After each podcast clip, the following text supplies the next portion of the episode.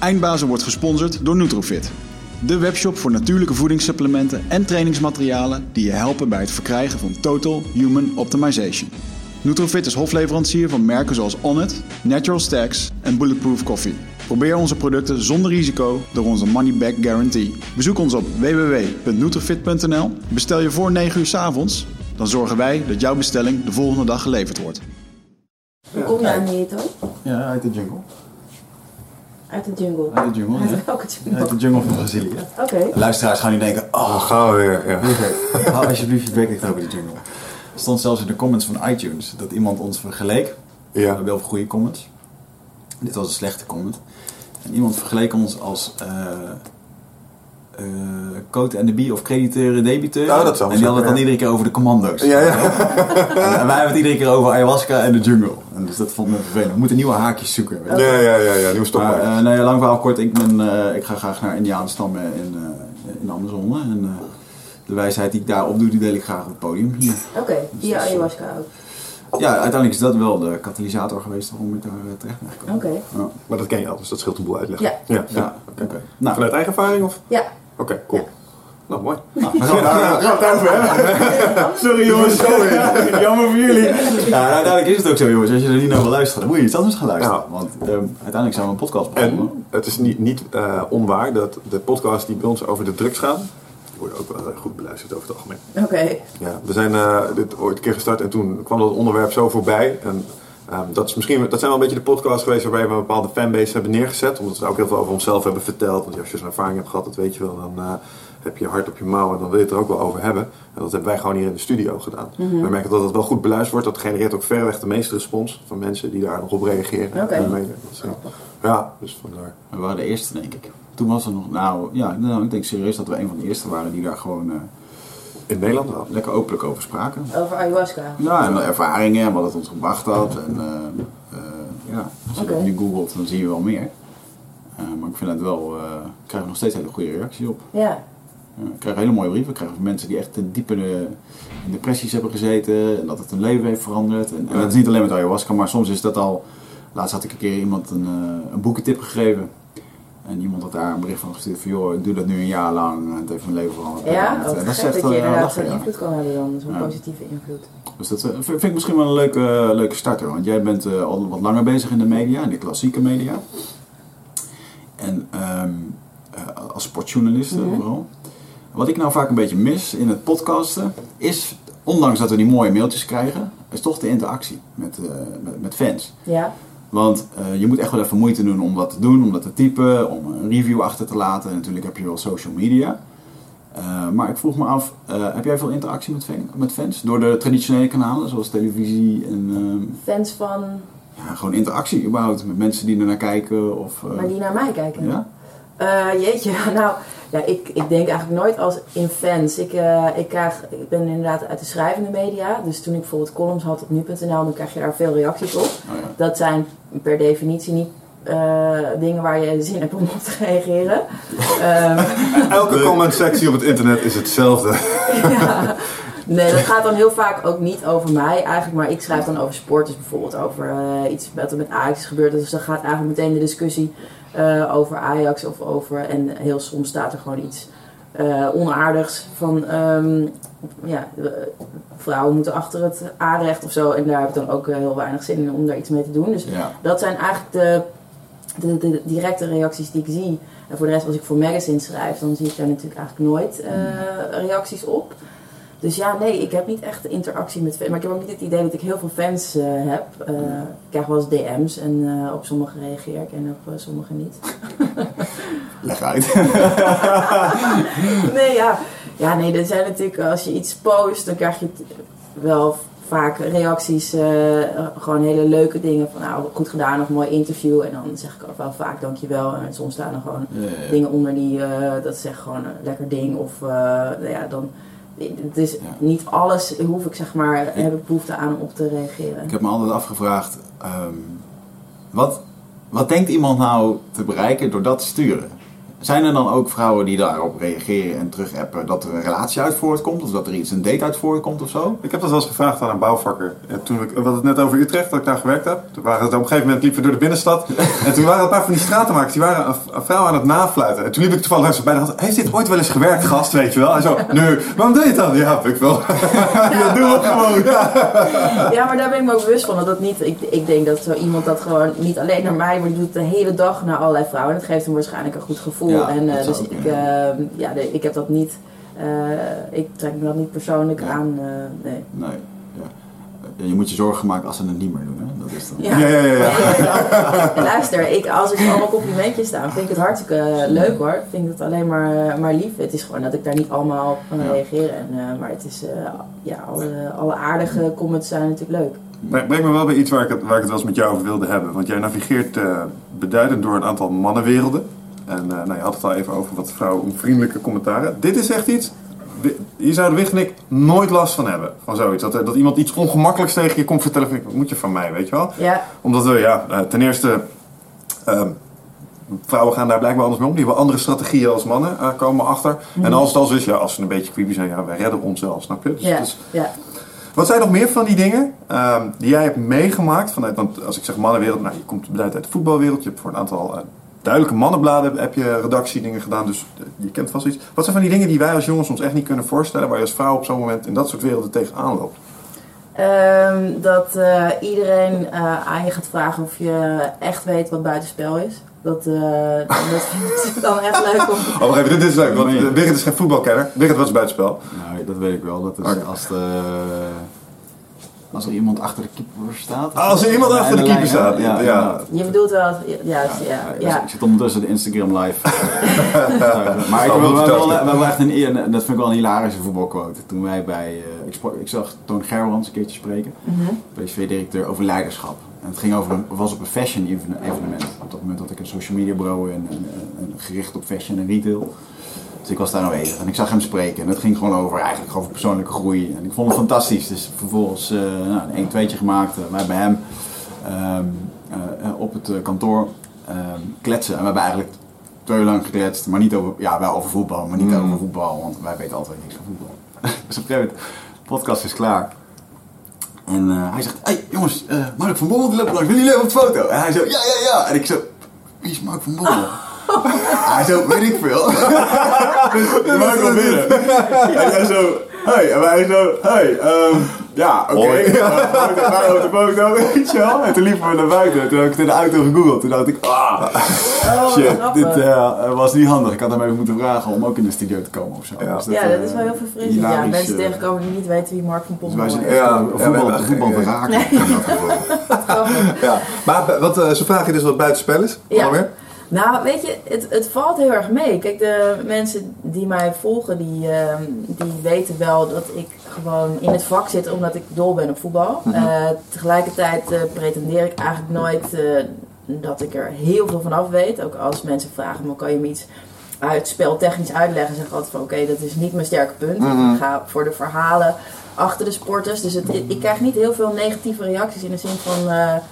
dat, sla, dat ik iets heb gezegd wat helemaal nergens op slaat. Of dat ze er echt hard, eh, hard ingaan. Er zitten Mm. soms wel eens inderdaad gasten tussen die het grappig vinden om er grapjes over te maken. Van dat, je er, eh, dat je er helemaal niet thuis hoort als vrouw. Maar het, het is eigenlijk heel eh, zeldzaam, moet ik zeggen.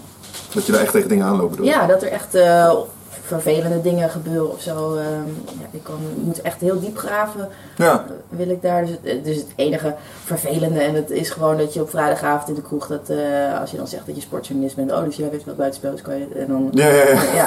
Ja, ja. Als je kwartjes zou krijgen voor elke keer dat je Ja. die had gehoord. Oh, dat ja, heel leuk, ja. Wat, wat is de charme van de voetbalwereld? Ehm, de charme van de voetbalwereld. Ja, ik, ehm, ik kijk gewoon heel graag voetbal. Ik vind het spelletje echt heel leuk. En voor mij is voetbal en sowieso sport in het algemeen. ehm, ja, heel veel mensen zeggen vaak tegen mij, vooral vrouwen, van het is maar een spelletje of het is maar een goal.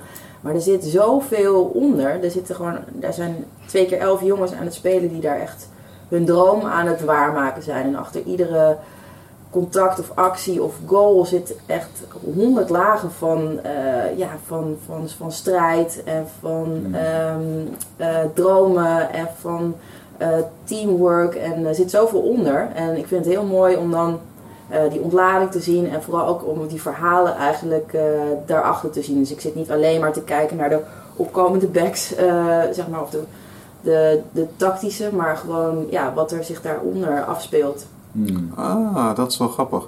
Moet je je voorstellen, ja, het zijn, het zijn elf gasten. Kijk, we, we hadden het er van tevoren over. Wij, wij komen uit de vechtsport en dan heb je de UFC. En wat ze bij de UFC heel goed doen, is eh, voor een gevecht even kort inzoomen op dat individuele verhaal van die gast. Dus ze laten even zien waar hij vandaan komt. Oh, zijn vrouw, zijn gezin, hij traint hard, weet je wel, heeft de eigen sportschool, bladibla. Ja. Dus je gaat een beetje inleven in die doet. En, ja, wat jij eigenlijk zegt, dat gebeurt daar gewoon eigenlijk 22 keer op dat veld. Ja, Ja. En, en ik vind het dus het leukste om ehm, zulke verhalen te vertellen. Zodat, want dan vind ik het zelf ook leuker om er naar te kijken. Kijk, Net als met wielrennen. Als jij bijvoorbeeld iemand van die 500 of 200 poppetjes over, als eerste over de finish ziet komen. Dan heb je op zich, dat is niet echt heel spannend. Pas als je weet dat dat poppetje eh, al duizend keer tweede is geworden. Of eh, gewoon ergens doorheen is gegaan. Of ziek is geweest. Mm. Of, eh, of, of juist iets leuks. Dan krijg je er een gevoel bij. En dan raakt het je veel meer als je die overwinning ziet. En eh, die verhalen vind ik heel leuk om eh, te vertellen en daarop te focussen. En dan wordt die sport nog mooier om, eh, om te kijken. Ja, ja, dat snap ik wel. Ja, verhalen zijn krachtig in dat opzicht. Hè? Zijn er een paar die je echt zijn bijgebleven in dat opzicht? Dat je echt denkt van, oh ja, nou als je het nou het, het voorbeeld van zo'n van zoiets moet geven, zo- zo'n zo'n poppetje dat al tien keer tweede is geworden en die het dan toch fixt, dat, dat is vet shit. Ja. Weet je, er zijn, eh, nou ja, ik moet even denken hoor. Ik heb bijvoorbeeld net ehm, een verhaal geschreven met, eh met Daily Blind. En ehm, toen kregen we het erover hoe dat nou is als je dus eh, gaat spelen en je vader is bondscoach. Want dan heb je, er is niet een situatie groter, onder een grotere spotlight dan dan, zeg maar. Als je vader die positie heeft en jij moet daar als zoon onder spelen. En het ging toen slecht, dus het, zijn vader werd eigenlijk afgebrand. En hij was ook niet goed. Dus ehm, ja, dat vind ik dan heel interessant om daarover te praten. Wat dat dan met je doet. Eh, niet alleen op het veld, maar ook Mhm. in dynamiek in een gezin. En eh, ja, in die vader-zoonband. En ehm, dat vind ik dan heel bijzonder als ook iemand daar met mij over wil praten. Ehm, maar dan, ja, daar, daar geniet ik dan echt van. Ondanks dat het een beetje een, ver- een verdrietig verhaal was. Want hij zei van ja, dit is een van de eh, een van de dingen waar ik me het meest rot over heb gevoeld in mijn carrière. Dat ik dus niet eh, mijn vader kon helpen door zelf heel goed te zijn. Ja. eh, en, ehm, en te scoren voor hem. Of in ieder geval goed te verdedigen, want hij is verdediger. Ehm, ja, dat, dat soort verhalen blijven me dan heel erg bij. En dan zeker als het nu nog een keertje gaat voorkomen dat Daly weer onder zijn vader gaat spelen. Mhm. dan, ja, dan ga je er op een andere manier naar kijken. Of hij het nu wel, weet je wel, voor zijn vader kan wegtrekken. Of ja, dat soort verhalen vind ik echt, eh, ja, dat, die raken me dan wel, ja. ja. Ja, snap ik. Heb jij verhalen in dat opzicht? Van mensen die je bewondert?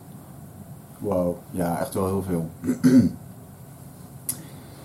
Eh, onlangs kreeg ik iets moois door op een, eh, op een sprekerstraining, wat nou mooie verhalen maakte. En dan- vaak is het dan inderdaad niet de successen of de, ehm, of de volledige negatieve periodes waar iemand dan in zit, maar eigenlijk meer het moment waar iemand een beslissing maakt van oké, ik ga het nu echt gewoon anders doen. Mhm. En eh, wow, dat zijn er best wel veel. En niet eens zozeer van bekende mensen, maar gewoon meer mensen in mijn eigen, eigen omgeving. En natuurlijk ook gasten. Gasten vertellen er hier ook wel over. Nou, wat me echt bij is gebleven. Mm, wow, dan moet ik echt even graven. Er zijn hon- 130 mensen geïnterviewd en dan nog een hele hoop daarbuiten. Eh, maar wat, wat ik een hele bijzondere blijf vinden is eh, Helena van Engelen. Mhm. Bijzondere vrouw, 69 jaar. En op de 51ste besloten om met twee koffers naar Peru te gaan en daar een scholengemeenschap gaan bouwen. Holy, Eh, beroofd door ouders van kinderen die ze les gaf. En, eh, maar echt toen die, ja, sommige gesprekken die hier zijn geweest, hadden mensen een bepaalde energie. En dan denk je, wauw, dat was, dat was gewoon een engel op een stoel. Ja? En eh, ja, ik vond dat wel een hele bijzondere. Dus als je nu even top of mind vraagt, wat, wat zat er? Ja, dan vond ik dat Mhm. heel mooi. ja. Ik ga dan wel Ja. even terugkijken, die heb ik niet gezien. Vind, vind ik ook wel grappig, want ik ik denk dat eh, eh, wat wij gemeenschappelijk hebben in wat we doen, Mhm. is dat we eh, allemaal mensen spreken die eh, ergens gruwelijk competent in zijn. Als jij nou kijkt over alle mensen die je hebt gesproken, eh het zijn allemaal hele verschillende mensen, denk ik, maar er zitten ook overeenkomsten in. Heb je er een paar zo die naar boven komen, dobberen bij? Denken, ja, als ze nou kijkt naar over de linie, zijn allemaal toch wel een beetje dit. Of ze zitten zo in elkaar, of ze zijn eigenwijs, of wat dan ook. Heb je daar iets in ontdekt? Ehm, nou, het, hoe met, hoe meer mensen ik praat, des te meer zie ik hoe verschillend eh, die sporten zijn. Heel vaak zeggen ze ja, voetballers zijn zo en zo, maar het zijn echt totaal verschillende mensen. Hmm. En ook in hun aanpak eigenlijk wel. Het enige wat ze echt gemeen hebben, ehm, de topsporters, is, is hun, hun, eh, hun egoïsme. Eh, Dat zij gewoon in staat zijn om eh, ja, alles op een tweede plek te zetten en te kiezen voor hun einddoel. Dat moet wel. En ehm, dat vind ik ook altijd grappig om te zien trouwens. Als op het moment dat ze dus sp- topsporter af zijn, dat ze dat dus weer moeten leren. Dat ze dus inderdaad wel naar een verjaardag kunnen gaan. In plaats van dat ze dus automatisch zeggen nee, kan niet. Weet je wel. Dat ze dus echt, eh, ja, ze hebben gewoon, het, het, is, het wordt ze, als ze topsporter zijn, alleen maar gecomplimenteerd. Dan zeggen ze nou, jouw focus is echt fantastisch, weet je wel. En als ze dus daarna klaar zijn, dan zeggen ze, wat ben jij nou voor rukker, weet je wel. Dat je gewoon niet eh, komt opdagen daar. en daar. Dus het is, eh, maar dat is in ieder geval het enige wat ik echt vind dat ze allemaal gemeen hebben. Is, is dat ze dus focus hebben. En dat ze dus, ja, dus egoïstisch kunnen zijn. en dus alles uitschakelen met dat ene doel voor ogen. Maar voor de rest vind ik het zulke verschillende. Sommigen zijn heel nerveus voordat ze het veld opkomen. En sommigen helemaal niet. Ja. En, eh, dus iedereen heeft zijn eigen struggles en zijn eigen maniertjes. Ze doen me denken aan ondernemers in dat opzicht. Die hebben, die hebben daar ook een handje van. Ja, Zeg maar het doel op de eerste plek zitten. Ja. En eh, alle, al- eh, grote offers brengen daarvoor. ja, ja dat moet. Relationeel, spiritueel, whatever. Ja, Ja. Ik vind het toch grappig dat we zenuwachtig voor de, voor de, voor de wedstrijd. Je hebt het dan over voetbal. En, ja, ik, heb, ik heb vroeger wel gevoetbald, maar toen was ik, toen was ik gewoon jong. En daarna ben ik gaan hockeyen. Maar de zenuwen die ik heb gevoeld voor een wed, eh, voor, nou, uit de vechtsport, eh, voor fysiek, eh, ja, fysiek een, een gevecht met iemand anders aangaan. Ehm, daarvan heb ik inderdaad mannen van 130 kilo gespierd voor de wedstrijd. Zien kotsen in prullenbakken van de zenuwen.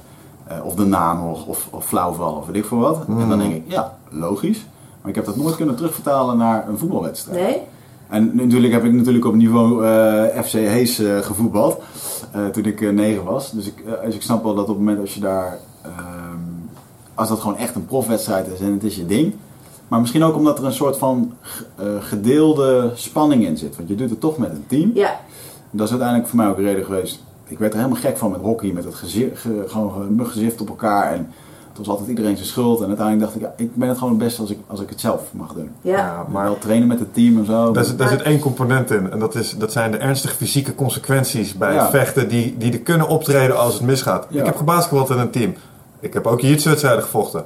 Ik was voor basketbalwedstrijden nooit zenuwachtig. Want ergens wat je daar kon gebeuren is je niet oplet dat je een bal op je neus kreeg. Ja. Snap je? Dus dat zit er wel een beetje bij in.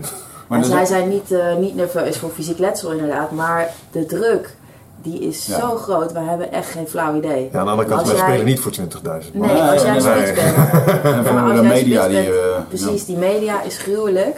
Je bent voor een, een mega bedrag aangekocht als spits. Ja. En je staat bijv- bijvoorbeeld al vijf wedstrijden droog. En iedereen zegt van hij kan het niet meer. En je weet dat er iemand anders op jouw plek zit te wachten. En Ja, dat is gewoon een druk die kunnen wij ons helemaal niet voorstellen. Nee. En er staat dan de volgende dag natuurlijk in de kranten. En je krijgt berichtjes. En het is, het is gewoon non-stop. Eh, dus ja, om- ook omdat het gewoon, het is zo'n vluchtige wereld. Hè? Je bent dan ben je de koning en dan ben je de slemiel. En eh, ja, die druk die maakt natuurlijk zenuwachtig. En denk maar bijvoorbeeld aan een keeper. Ik heb bijvoorbeeld wel Sergio Pat geïnterviewd. En die, en die kwam, eh, dat is een keeper. dat is een keeper. En die, Goed dat je het erbij meldt, ja. en die kwam op zijn achttiende onder de lat eigenlijk in de eredivisie. Dat is hartstikke jong natuurlijk. En dan sta je dus en heb je dus al die mensen in je rug die je het allerslechtste toewensen als die dus niet voor je zijn. Ja. En die zei ook van ik was zo, zo nerveus dat ik gewoon eh, iets wilde roepen. Dus ik wilde iets naar mijn team roepen en ik moest gewoon kokhalzen. En ik kwam gewoon helemaal kots uit in plaats van dat ik iets riep. Bizar. Ja, omdat gewoon, je, je- ja, de keeper, dat zou ik ook nooit durven, want die, die druk kan gewoon niet groter. Nee, dat is wel echt een druk jaar. Ik had, toen ik in de jungle een eh, sessie over zelfliefde had en ehm, ook flink aan het kotsen was, toen eh, ging dat over eh, dat ik heel veel druk op mezelf haal van mensen die naar mij kijken. Ik vind dat ook wel belangrijk. Succes was altijd belangrijk voor mij en hoe mensen daar dan naar kijken. En daar ging het toen een keer in de middag over. En dat stamover zei het wel heel mooi. Hij zei, je hebt last van de druk van duizend ogen. Mhm. En dat is het echt. Gewoon Uit waar je eigen ogen. Nee, duizend ogen die naar je kijken. Alsof dat een soort van energie op je, een soort van deken van energie op je legt, waardoor je moet presteren, waardoor je onwel gaat voelen. Ja. Terwijl Ja, het zijn gewoon andere mensen die naar je kijken, maar ze vinden allemaal wat van je, weet Mhm. je wel. Terwijl jij het aan het doen bent. Dus zij staan er met een zak chips op de tribune. Ja, toch denk ik dat er echt wel dingen Ja. in je zitten die echt aangaan op het moment dat 2000 man achter je nek staat te schreeuwen dat je een, een eh, Ja. zeg maar hondengeslachtslid bent. Snap je wat ik bedoel? Ik hoorde laatst van een therapievorm van, van managers. eh, dat je een, eh, met tien managers in een kringetje zit. Dan gaat één manager in het midden zitten. En dan wordt er een soort stelling tegen hem gezegd of wat dan ook. En de rest blijft gewoon aankijken. En diegene in het midden, die gaat dan voelen met wat er gebeurt. En dan schijnt het wel dat mensen helemaal ongemakkelijk worden. Ja, joh. En, eh, Ja. Ja. dit is- ja, dus laat staan een voetbalstadion. maar, Ja.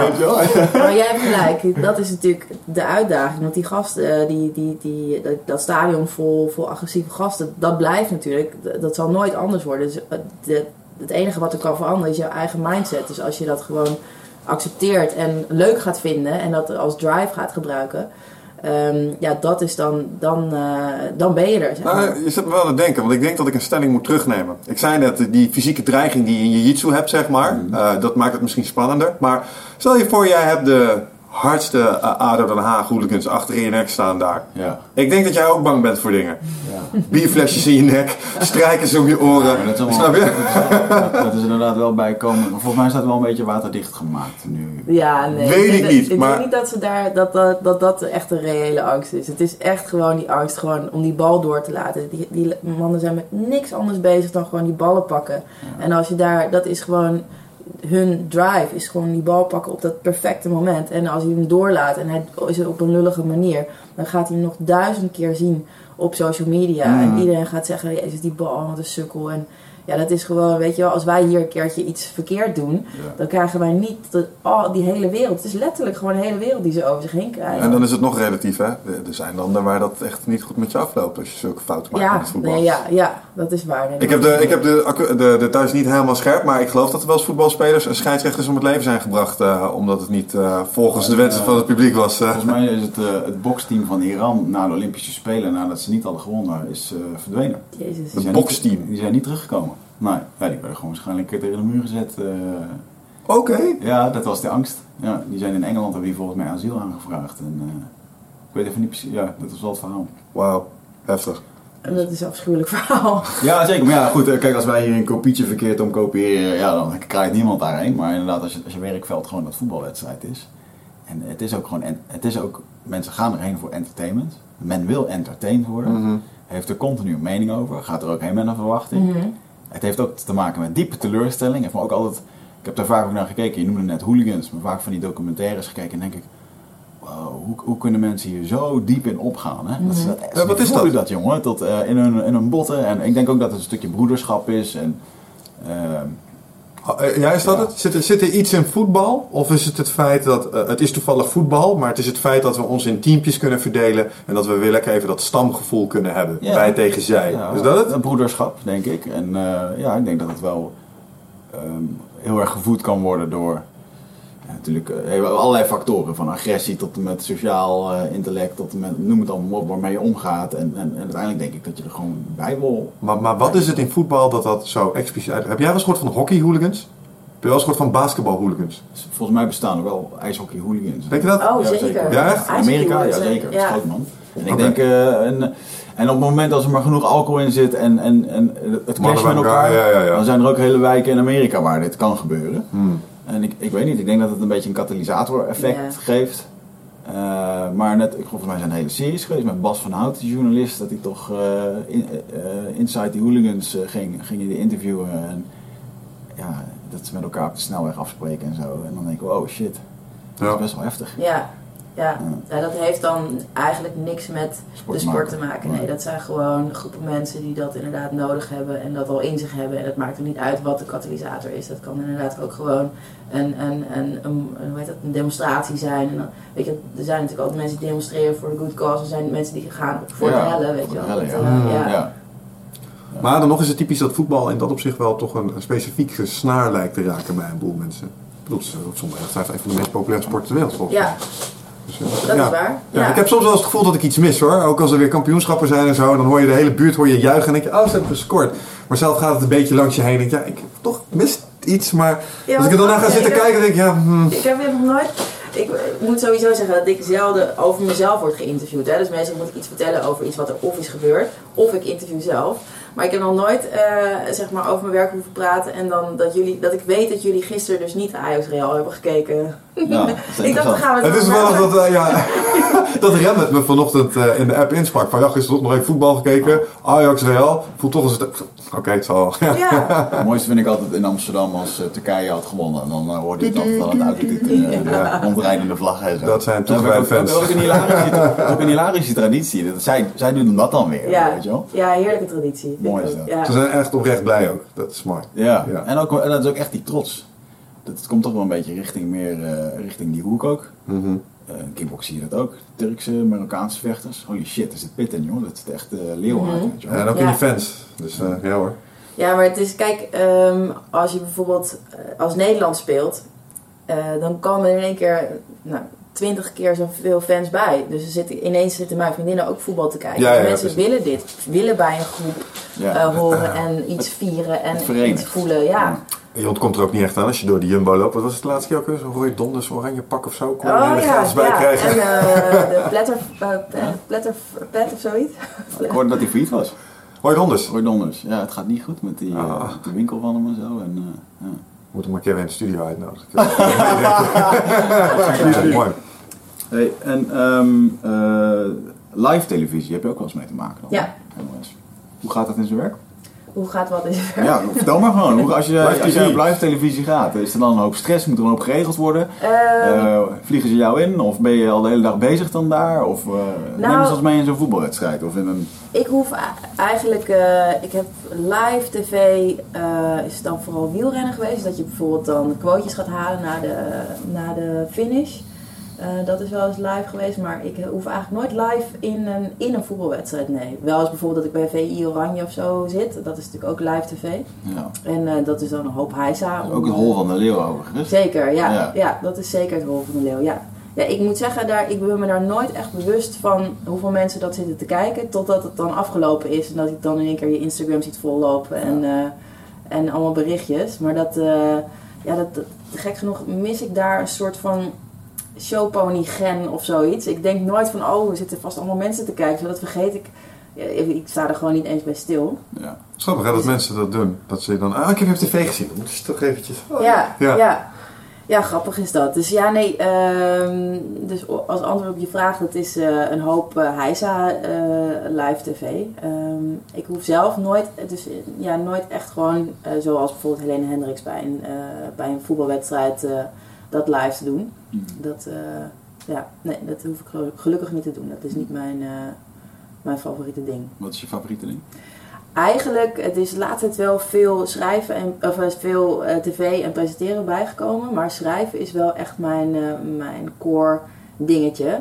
Daar haal ik nog echt het meeste plezier uit. En ehm, ik besef dat dat gewoon uit aan het raken is. Mensen lezen gewoon niet zoveel meer. Hmm. En eh, dus dat, ehm, ja, VI, Voetbal International, die begon daarmee. Dat- Daar schreef ik voor en dan zei ze, kan je niet een soort videoformat bedenken? Want het is toch steeds meer video. En, daar heb ik dan heel lang nee gezegd, omdat ik daar gewoon niet echt behoefte aan had. Ja.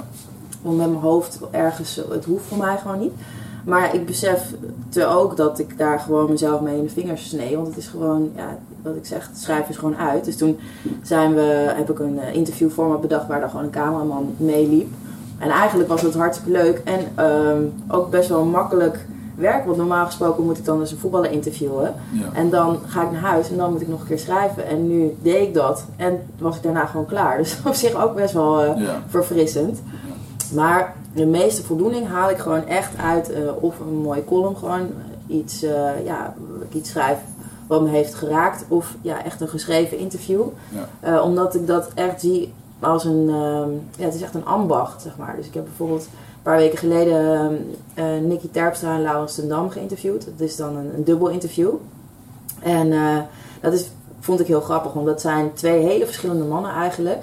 En die wonen sinds kort eh, vijf minuten bij elkaar vandaan. Dus die trainen, eh, nou, als ze in Nederland zijn, iedere dag een paar uur samen. Terwijl Nicky is echt een hele snelle jongen. Een beetje Wie, zijn, wie zijn dit? Dit zijn twee wielrenners.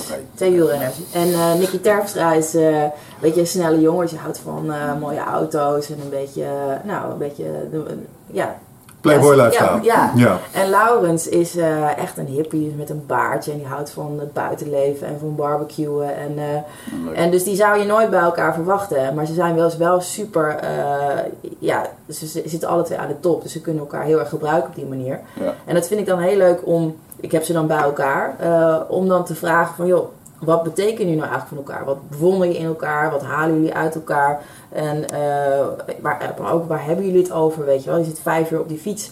Ehm, hebben jullie het dan ook over eh, moeilijkere dingen? Dus, zeggen ze zoals zo wat. Dus ik zeg nou bijvoorbeeld eh, de liefde of eh, en dan moeten ze natuurlijk lachen, weet je wel. Dus het- dat vind ik dan ten eerste heel leuk om te doen, omdat ik dus die twee mannen eigenlijk dwing om over elkaar te praten van, en dus te zeggen wat ze in elkaar wa- waarderen, waarvan ik vergif durf in te nemen dat ze het normaal gesproken niet doen. Ja. En als ik dat dan, daarna is dan de uitdaging om dat zo op papier te krijgen dat jij ook het idee hebt dat je erbij was, zeg maar. Dus ook te beschrijven hoe ze erbij zitten, hoe ze op elkaar reageren, de grapjes, zeg maar, en, en Ja. hoe die kamer eruit ziet. Dus- En dan heb je dus, want papier is eigenlijk niks. Het is maar papier met letters. En als jij dan dat gevoel krijgt eh, van, hé, hey, ik was erbij, of ik heb een gevoel bij die mannen ineens. Dat vind ik het grootste compliment. En daar haal ik het meeste voldoening uit. Omdat Ja. dat echt, eh, echt moeilijk is. zeg maar. Ja. Dus is dit te vertalen naar audio? Omdat de neiging die ik veel zie is dat eh, auteurs die boekjes schrijven, die merken ook, mensen lezen weinig. Ja. Verdwijnt het in een kast. Dus wat doen we? We maken er een audioboek van. We lezen het gewoon zelf over. MP3 kun je downloaden of we zetten het op iTunes. Oh. En dan kunnen mensen het op die manier luisteren. En dat gebeurt gewoon aan de lopende band. Ehm, een favoriete podcast van mij is Hardcore History. Mhm. Dat zijn hele lange afleveringen van een man die gewoon... eh denk, die, ma- die bereidt dat echt voor. Die schrijft hele stukken uit. En daarna gaat hij ze wel een beetje voorlezen, maar toch onderhoudend zitten vertellen. Maar hij heeft het wel van tevoren uitgeschreven. Uit geschiedenisleraar. Ja, dat gaat over geschiedenis. Het is wel echt een verhaal Het is vertellen. wel een verhaal, maar grote stukken tekst lenen zich daarvoor. Maar kleine columns. Je ziet ook van die mini-podcastjes van 6, 7 minuutjes. Dus als je je column gewoon voorleest, mensen abonneren daarop. Ja, Ja, met Ja. een beetje microfoon en eh, een kwartier. kun je je columns kun je digitaliseren. En als jij beschrijvend schrijft, dan heb je gewoon een mooi, eh, ja, een heel ja, een kleurend verhaal wat, Ja. wat daar wordt verteld. Ja. Dat is leuk hoor. Dus misschien is dat een idee om je, om je schrijven zeg maar, ook een beetje mee te nemen naar het nieuwe audio Ja. Want zo moeilijk is dat En niet. vergis je niet in de, want een, een VI-column wordt na een week, eindigt dat ergens in een, eh, in een voetbaldoos. Mhm. Eh, of in een schoenendoos. En eh, dit soort content blijft gewoon online staan. ja, dat is waar. Ja. Ik heb daar eigenlijk nog nooit over nagedacht. En En moet je mijn eerste gevoel is dan van, maar we ga- gaan jullie niet gewoon lekker lezen, weet je wel? Eh, in plaats van al die, ja... Aandachtseconomie. Ja, inderdaad. Maar je hebt helemaal gelijk. Het, eh, ik heb daar nog nooit over Ja, nagedacht. en, denk- Ja. en dan ook in een termen van, oké, je werkt dan best wel lang aan zo'n stuk en je doet dan een interview met meneer Nicky Terpstra. Er zijn best wel fans van hem waarschijnlijk, die Mhm. googelen wel een keer. Maar als het googelt en staat niet online, Ja. dan ook. En dit Nou, dat zeker. Dus ik, ik probeer nu steeds vaker te zorgen dat eh, eh, dingen online komen. En bladen proberen dat ook, want het is natuurlijk Ah, ja, inderdaad tuurlijk, zonde. ja, En daar heb je Blendel voor bijvoorbeeld. En, eh, dus eh, nee, gelukkig komen er steeds meer stukken online. En eh, ja, ook met mijn columns. Ik weet nog toen ik eerst een column kreeg... eh, en die was online, dacht ik van ja, dat, is, dat telt helemaal niet. Weet je wel, dat was toen nog, dan vond je internet gewoon, weet je, als je wie schrijft, die blijft. Het was dan echt, als je op papier was, dan was het echt. En nu is het totaal andersom inderdaad, ja. Ja. ja. Ander kanaal waar je even naar kunt kijken als je digitaal je tekst aan natuurlijk is Medium. Dat is eh, behoorlijk up and coming. Eh, daar wordt heel veel geschreven woord wordt daar gepubliceerd. Het is een soort eh, verzamelwebsite voor artikelen, blogs, wat dan ook. En het was voorheen zo dat als je op verschillende plekken je content had neergezet, dus bijvoorbeeld op eindbasis.nl, en dan gooi je het ook ergens anders neer, word je daarop afgestraft. Maar dit specifieke, media, dit, dit specifieke platform niet. Dus daar kun je content ook neerzetten. Eh verhoogt de vindbaarheid ontzettend. Want ik heb ook eens wat artikelen geschreven. En sinds we dat doen merken we gewoon eh, aanzienlijk meer traffic. Dus mensen, het wordt gewoon beter gevonden. Oh ja, oké. Ja. Ja. het nadeel is natuurlijk wel dat eh, bladen en merken betalen mij om, om te schrijven. En dan is de tekst officieel van hen. Dus ik kan niet zonder hun toestemming in ieder geval zomaar dingen online Nee. eh, gooien. Maar dat zou, dat zou met een mailtje geregeld moeten kunnen worden. Ja, misschien wel, ja. Want ik denk dat hun doel ook is om zoveel mogelijk gelezen te worden. Ja, dat Ja. is waar. Ja, nee, eh, het, zou- wij hebben daar ook wel eens eh, eh, mee geworsteld. Maar neem bijvoorbeeld zo'n... eh, eh, als ik kijk naar de content die ik consumeer, zijn ook heel veel podcasts. En laat je verbazen over waar sommige podcastproducenten mee wegkomen als het gaat om mijn aandacht opeisen. Ja? Soms zitten ze gewoon in een hotelkamer, hebben ze de telefoon op tafel liggen en dan hebben ze het ergens over. En dat is goed genoeg. Eh, er zijn mensen die zitten in een auto, die spelen met een dasmicrofoon op, die gaan een stukje rijden met elkaar en die kletsen. En hoe, hoe kom jij daar dan aan? Hoe vind je dan zoiets? Nou ja, ik, ehm, of eh, ze worden getipt in andere podcasts. Of ik krijg, ja, als je podcast host bent, krijg je ook nog wel eens tips van eh podcast. Ja. Maar eh, vaak omdat ik, er waren er een paar die ik echt veel luisterde. en die gasten die hadden het dan weer over iets. En ik, oh, dan ga ik ook eens even een keertje checken. Oké. En, ja. en, en die podcast die ik zelf luister, bijvoorbeeld de Joe Rogan Experience. Nou, die heeft letterlijk wel eens gewoon een wandeling met een vriend opgenomen en uitgebracht als een podcast. Gewoon met de microfoons van een iPhone. Ja. Goed genoeg, ik zit er Ja. nog weer twee uur naar te luisteren. Ja. Dus tegelijkertijd, het kan super laagdrempelig zo zijn, maar met een investering van, nou, zo'n microfoon voor 100, 200 euro heb je een hele goede. Ja. Kun je aansluiten op je laptop. Je columns kun je digitaliseren. Ja, ik vind het echt een goede tip. Ik heb er nog nooit over nagedacht, maar dat is best een goede, ja. ja. Ja. Ja. En laat je aangenaam verrassen over hoe makkelijk mensen die content dan toch gaan eh, consumeren. Ja, nou ja, dat zie je inderdaad aan het aantal podcasts eh, dat er nu is. Eh, ja, en dat, die zijn blijkbaar allemaal rendabel. En, en voor je boek ook, hè? Ik bedoel, je hebt nog een heleboel columns, kun je het allemaal nog met terugwerkende kracht doen. En mensen zijn bereid om bijvoorbeeld een boek, ik weet niet, het kost maar 30 euro, of het audioboek van 12. Nou, dan doen ze dat. Mhm. Ja, Want het, dat kost jou in principe geen drukkosten meer en dat soort dingen. Dus Nee. daar zitten ook nog voordeeltjes aan. dat is waar. Ja. Jeetje, wat een goede, met goede tips ga ik hier straks weer naar huis. Ja. Gratis. Ja. Ja, ik vind het leuk dat je er was, dus je zei net, die podcasts die zullen wel rendabel zijn. Nou, daar kunnen we wel iets Kunnen we nog wat leren, Dat ja. is niet, eh, niet het, ik snap wel dat voetbal ehm, is eh, wel een advertentiemedium wat, wat meer aanspreekt. Mhm. Ehm, wij lopen bijvoorbeeld wel, eh, je ziet het in onze content, wij hebben twee uur lang een content. Men kijkt YouTube in de, in de tijd van, eh, van hun baas, van de werktijd. Eh, Ja. dus je kunt geen twee uur kijken. Nee. Dus 20 minuten kijkt men gemiddeld, zie je dan in de statistieken. Ehm, maar als we dan eh, een, een kwartier lang een filmpje hebben dat we granaten mogen gooien en mogen schieten bij de marine, dan hebben we 80.000 views Ja. in drie weken tijd, weet je. En dan... eh, Vind je dat oh, niet oké. frustrerend? Ehm, nee, in de zin van, ik doe het nog steeds niet voor die kijkcijfers. Ah, We krijgen, krijgen vaak de vraag van, zou je het doen als niemand kijkt? Ja, en zo zijn we begonnen. Niemand keek. En natuurlijk eh, gemotiveerdheid omdat andere mensen het leuk vinden. En ik ben er ook zeker van, ik, ik, ik wilde dit graag een succes maken. Maar daar heb ik altijd wel in geloofd. Maar vooral voor onszelf. Ja, als je dan kijkt, eh, het gaat nog steeds. Wij hebben hier wekelijk, wekelijks nog gniffelen erover. Van wat er gewoon klaarspelen voor onszelf. Mhm. Eh, door middel van een podcast. Ja. Dat is eigenlijk waar het op gaat. En Maar- ik, en ik, me- hm? Je moet het niet te kort doen, want we hebben het hier over YouTube-cijfers. Ja, nee. Digitale ja, media zeker. op iTunes bijvoorbeeld, ja, dat staat in geen enkele verhouding tot elkaar. Nee? Nee, het wordt vele malen meer geconsumeerd. Ja. Zeker nu we op Spotify staan. Ja, dat kunnen we echt zien in de stad. Ik ben stiekem nog wel een beetje technisch, dus ik kan wel eens in de logjes kijken en dan zie ik de statistieken. Ja. Ja, sinds wij op een aantal media erbij zijn, eh, we moeten meer bandbreedte inkopen. Dus YouTube is niet representatief voor wat we daadwerkelijk Nee. aan, aan luisteren. Dus daar zit ook iets minder, minder frustratie. Want ze worden wel degelijk geluisterd. Alleen in ritjes in de auto of tijdens het fietsen Ja, of wat ja. dan ook. Maar dan zit je niet op YouTube te kijken. Dus eh, dat is het. eh, Ondertussen hebben we gewoon bijna meer dan 4 miljoen downloads totaal. 4 miljoen? In de afgelopen 3,5 jaar. Ik zou het.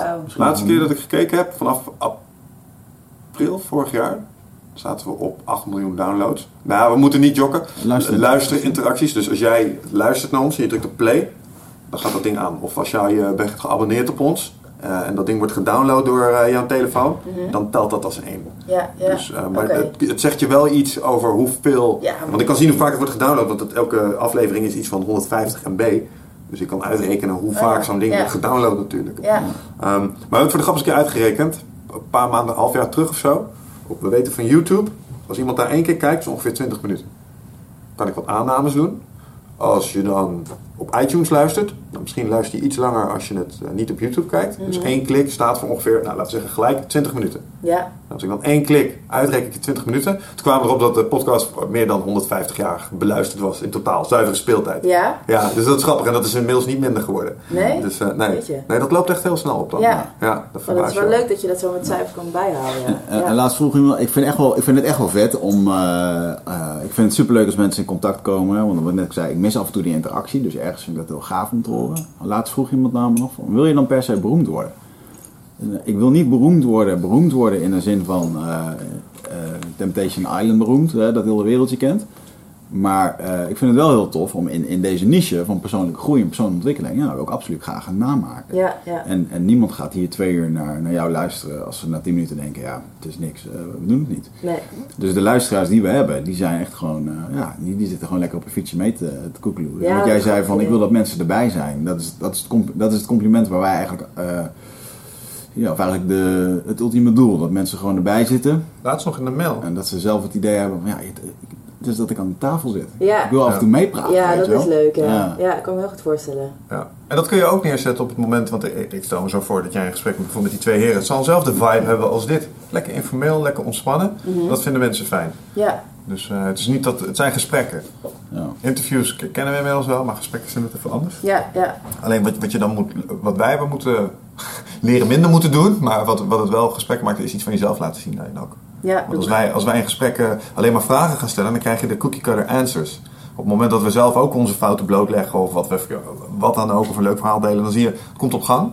En je hebt wat langer, ja. en dan kom je tot echte gesprekken. Ja, eens. Ik doe dat zelf ook altijd ja, in een interview. Ja. ja. Ja, want ik had nog vragen staan, oh, want je bent natuurlijk een interviewer en je doet het wel, je doet het goed in dat opzicht. De fijne kneepjes van het vak, maar dit zou er één van zijn. Zeker, ja.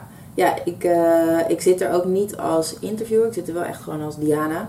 En ehm, dus ja, ze mogen altijd vragen terugstellen. En ik denk dat ze gewoon ook wel voelen dat ik eh, oprecht geïnteresseerd ben. Dus Ja. ik, eh, ik zit daar niet alvast te schrijven. Ik zit daar echt gewoon een gesprek te hebben. En daarna ga ik daar wel weer wat, eh, een lopend verhaal uitschrijven. En, en dat voelen ze wel, ja. Dus Ja. dat... Kijk, er zijn heel veel verschillende interviewtechnieken. Je hebt ook heel erg van meer aanvallende, weet je wel, dat je kijkt wat voor reactie je hebt. Zo zit ik van nature niet in elkaar en ehm, ja, dat doe ik eigenlijk nooit.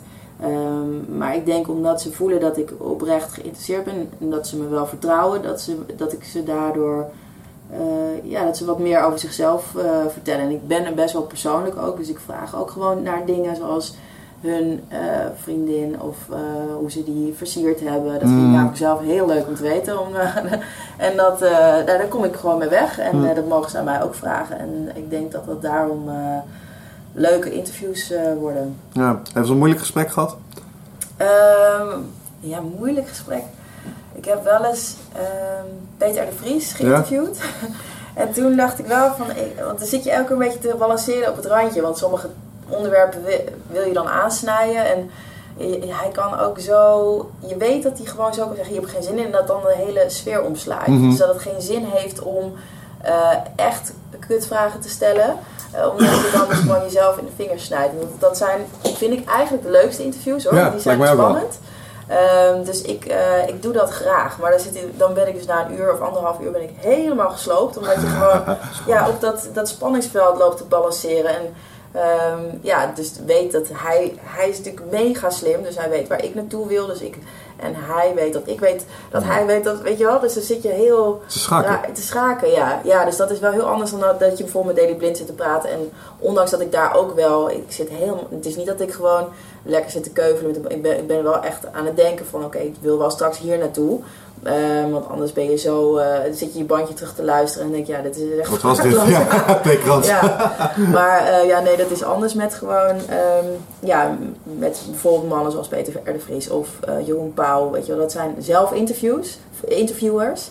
Dus die weten gewoon wat je aan het doen bent, zeg maar. Mhm. En dat vind ik heel leuk. En ja, ik zoek dat ook graag op. Dus op nummer 1 heb ik nu nog, eh, wil ik heel graag Louis van Gaal. Omdat ik gewoon weet Ah, ja. dat dat gewoon een ontzettende lastbak is. Is zo? Ja, in, tegen, tegen media in ieder geval. Dus eh, ja, daar moet je echt, eh, dat is zeg maar een strijd om die te winnen om, en om daar een goed gesprek mee te hebben. Dus dat, ja, dat zou me beangstigen en daar zou ik heel veel zin in hebben. Zeg. maar. Hmm. Ik vind, ik vind het wel bijzonder inderdaad. Want eh, jij zit, je zit dan in de voetbalmedia. En ik heb daar vaak over nagedacht. En de twee namen die je noemt, interessant. Peter de Vries heeft ook aangegeven dat hij hier wil komen, maar op een later moment. Oké, Eh, Echt waar? maar ik heb, wat jij dan nu zegt, ik heb dus eh, nooit die spanning, of eh, daar, daar denk ik niet eens over na dat ik dat zou krijgen bij, bij een van die heren, omdat wij zijn geen voetbalmedia. En ik denk dat eh, Louis van Gaal, als ik naar hem kijk en ik zie hem flippen op televisie, dan denk ik, ja, dan denk ik, ik vind het wel grappig. En ik snap het ook nog wel in sommige gevallen. Mhm. Ik weet natuurlijk niet alle achtergronden en ik vind hem ook gewoon wel een eh, lekker eigenwijs. En hij wordt natuurlijk ook vaak met zijn Engels en zo wordt hij een beetje voor de gek gehouden. Van die Ja. filmpjes, dat zie ik dan. Maar uiteindelijk doet hij het wel gewoon. Maar ik kan me niet voorstellen dat als we die man hier in de stoel zitten en we beginnen gewoon lekker een gesprek. En misschien helpt het dan ook wel dat we gewoon even niet zoveel van voetbal weten. Mhm. Ehm, maar ik kan me niet voorstellen, eh idem met Peter R. de Vries, dat we daar een, een lastig gesprek mee gaan krijgen hier. Hey eindbazenluisteraar, dankjewel dat je zit te luisteren naar deze podcast. Ik onderbreek hem eventjes voor een hele belangrijke boodschap. Of misschien liever gezegd een uitnodiging. Want op 24, 25 en 26 mei, dan is er weer een nieuwe editie van Ride of Passage. Dat is mijn retreat voor persoonlijke ontwikkeling. En speciaal voor de mensen die op zoek zijn naar, ja, naar, naar helderheid. Of dat ze lastig bij hun gevoel kunnen komen. Dat ze moeilijke beslissingen moeten maken. En dat ze zo ontzettend in hun hoofd zitten. Ja, dat ze er eigenlijk gewoon niet meer goed uitkomen. Of dat ze misschien al heel lang in een, ja, een soort van oud gevoel zitten. Dat ze dat gevoel willen transformeren. Of misschien wil je gewoon een oud stuk achter je laten. Ergens een punt achter zetten. En ja, zoek je misschien heling op iets wat, wat je te lang hebt weggeduwd of, of hebt vermeden. En daarvoor wil ik je uitnodigen op 24, 25 en 26 mei om in een retreat mee te doen waar de inhoud van het programma geheim is. Waar de belofte is dat het oncomfortabel wordt. Want jij begrijpt als geen ander dat als je die volgende stap wilt maken, ja, dan zul je uit de comfortzone moeten komen. En ik garandeer je, laat mij dat proces begeleiden met jou voor drie dagen en je leven zal daarna nooit meer hetzelfde zijn. Gemiddeld beoordelen de deelnemers het met een 9,2. En daar ben ik ontzettend trots op. Er is ook een money back guarantee. Heb je de drie dagen vol, volbracht en vind je het niks, krijg je gewoon je geld terug. Dus het enige risico wat er is, is dat je gelukkiger kan worden. Ik zie je Bride of Passage. Ga naar wichertmeerman.nl en klik op Retreat. Uiteindelijk was het ook geen lastig Ja. gesprek, maar je weet gewoon dat, dat het, het zijn eh, twee vaatjes buskruid gewoon. Ja. En, Ja, eh, dus als jij eh, een stomme vraag stelt, dan zegt hij dat ook gewoon. En dan wil niet zeggen, dat gaat je niet in elkaar slaan of iets, maar dat is toch dan, ik bedoel, om dat al alleen al gezegd te krijgen, is het natuurlijk al verschrikkelijk. Ik wou net zeggen, wij hebben dat hier ook wel. Ik vond het toen spannend toen we het even met Gilbert moesten hebben over dat akkefietje met die scheidsrechter. Vond ik stiekem best spannend. Van, ah, kom maar. Ja, dat kan bij Gilbert kan het op Ja, zich wel. ja. Maar, maar tegelijkertijd dacht ik, hmm, Ja. Ja, hij kan maar zo denken, ja, kom op jongens, weet je wel. Ja, maar Weet was- hij niet, maar Was dat ook niet gewoon de... Ik bedoel, met een Alice eroverheen. Vond ik ook, vond ik ook wel gewoon... Denk ik, ach, het stond er kunnen komen als laatste YouTube. Toen eh, hij ging een paar keer knock- knock-out. En iedereen zei dan, ah, Alice een glazen kin. En dan is er gewoon een vraag, joh, heb je heeft Alice een glazen kin? Mhm.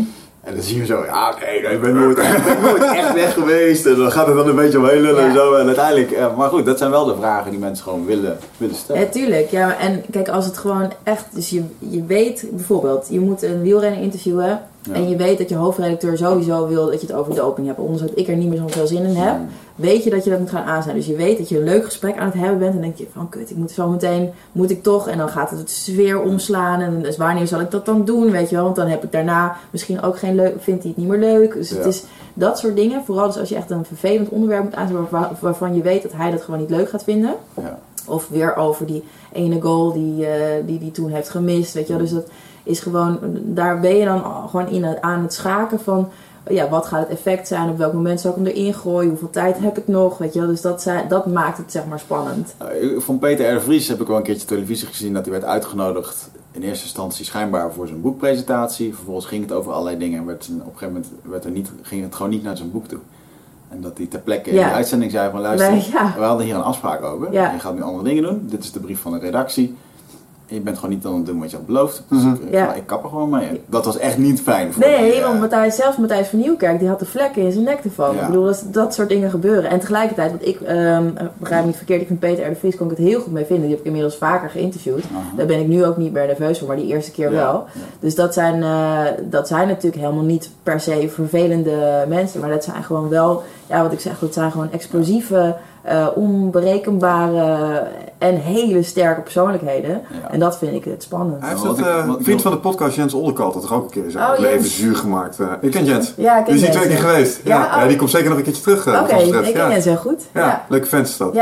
Ja, die had toen nog ook een keer zo'n, moest hij ad hoc een beetje komen opdagen, geloof ik, in zo'n late night programma. En toen eh, had hij volgens mij eh, ook even een milde aanvaring met die eh, Peter R. de Vries. Oh. Dat was ook niet gemakkelijk. Ja. Nou, die kan, die kan heel, heel indringend kan die communiceren, die man. Ja. Maar ik vond, ik vond het wel gaaf, Ja. want hij toen op televisie deed, eh, dat heeft mij er een keer van geholpen. Dat ik, ik werd toen geïnterviewd door eh eh, eh, Brabants Dagblad in mijn moeder de achtertuin. En toen kwam er een fotograaf mee en die wilde een foto maken. En ik wilde gewoon een foto maken zoals ik ben. En die man zei, nee, anders ga je, ga je gewoon eventjes zo in de stoel zitten. Hij wilde dat ik zo in de stoel ging zitten en Oh, zo ja. in de foto. Ja. En ik zat inderdaad, en ik, in eerste instantie dacht ik zo, ja, is, dit een, is dit een goed idee? Inderdaad, ja, ja, dat is leuk. En ik dacht, nee, ik wil dat echt helemaal niet. Nee. Dus toen, dat, toen moest ik in één keer denken aan dat moment, denk ik, weet je, ik vind het wel heel mooi dat zo'n Peter dan gewoon zegt van, fuck it. Mhm. Eh, ik doe het gewoon op mijn manier, weet je. En dat, dat zouden meer mensen denk ik mogen Ja, zeker. Super transparant. Maar jullie hebben nooit een stroef eh, gesprek gehad hier dat je... Wel. Ja, ik zat er net aan te denken, wat vind jij het meest stroeve gesprek?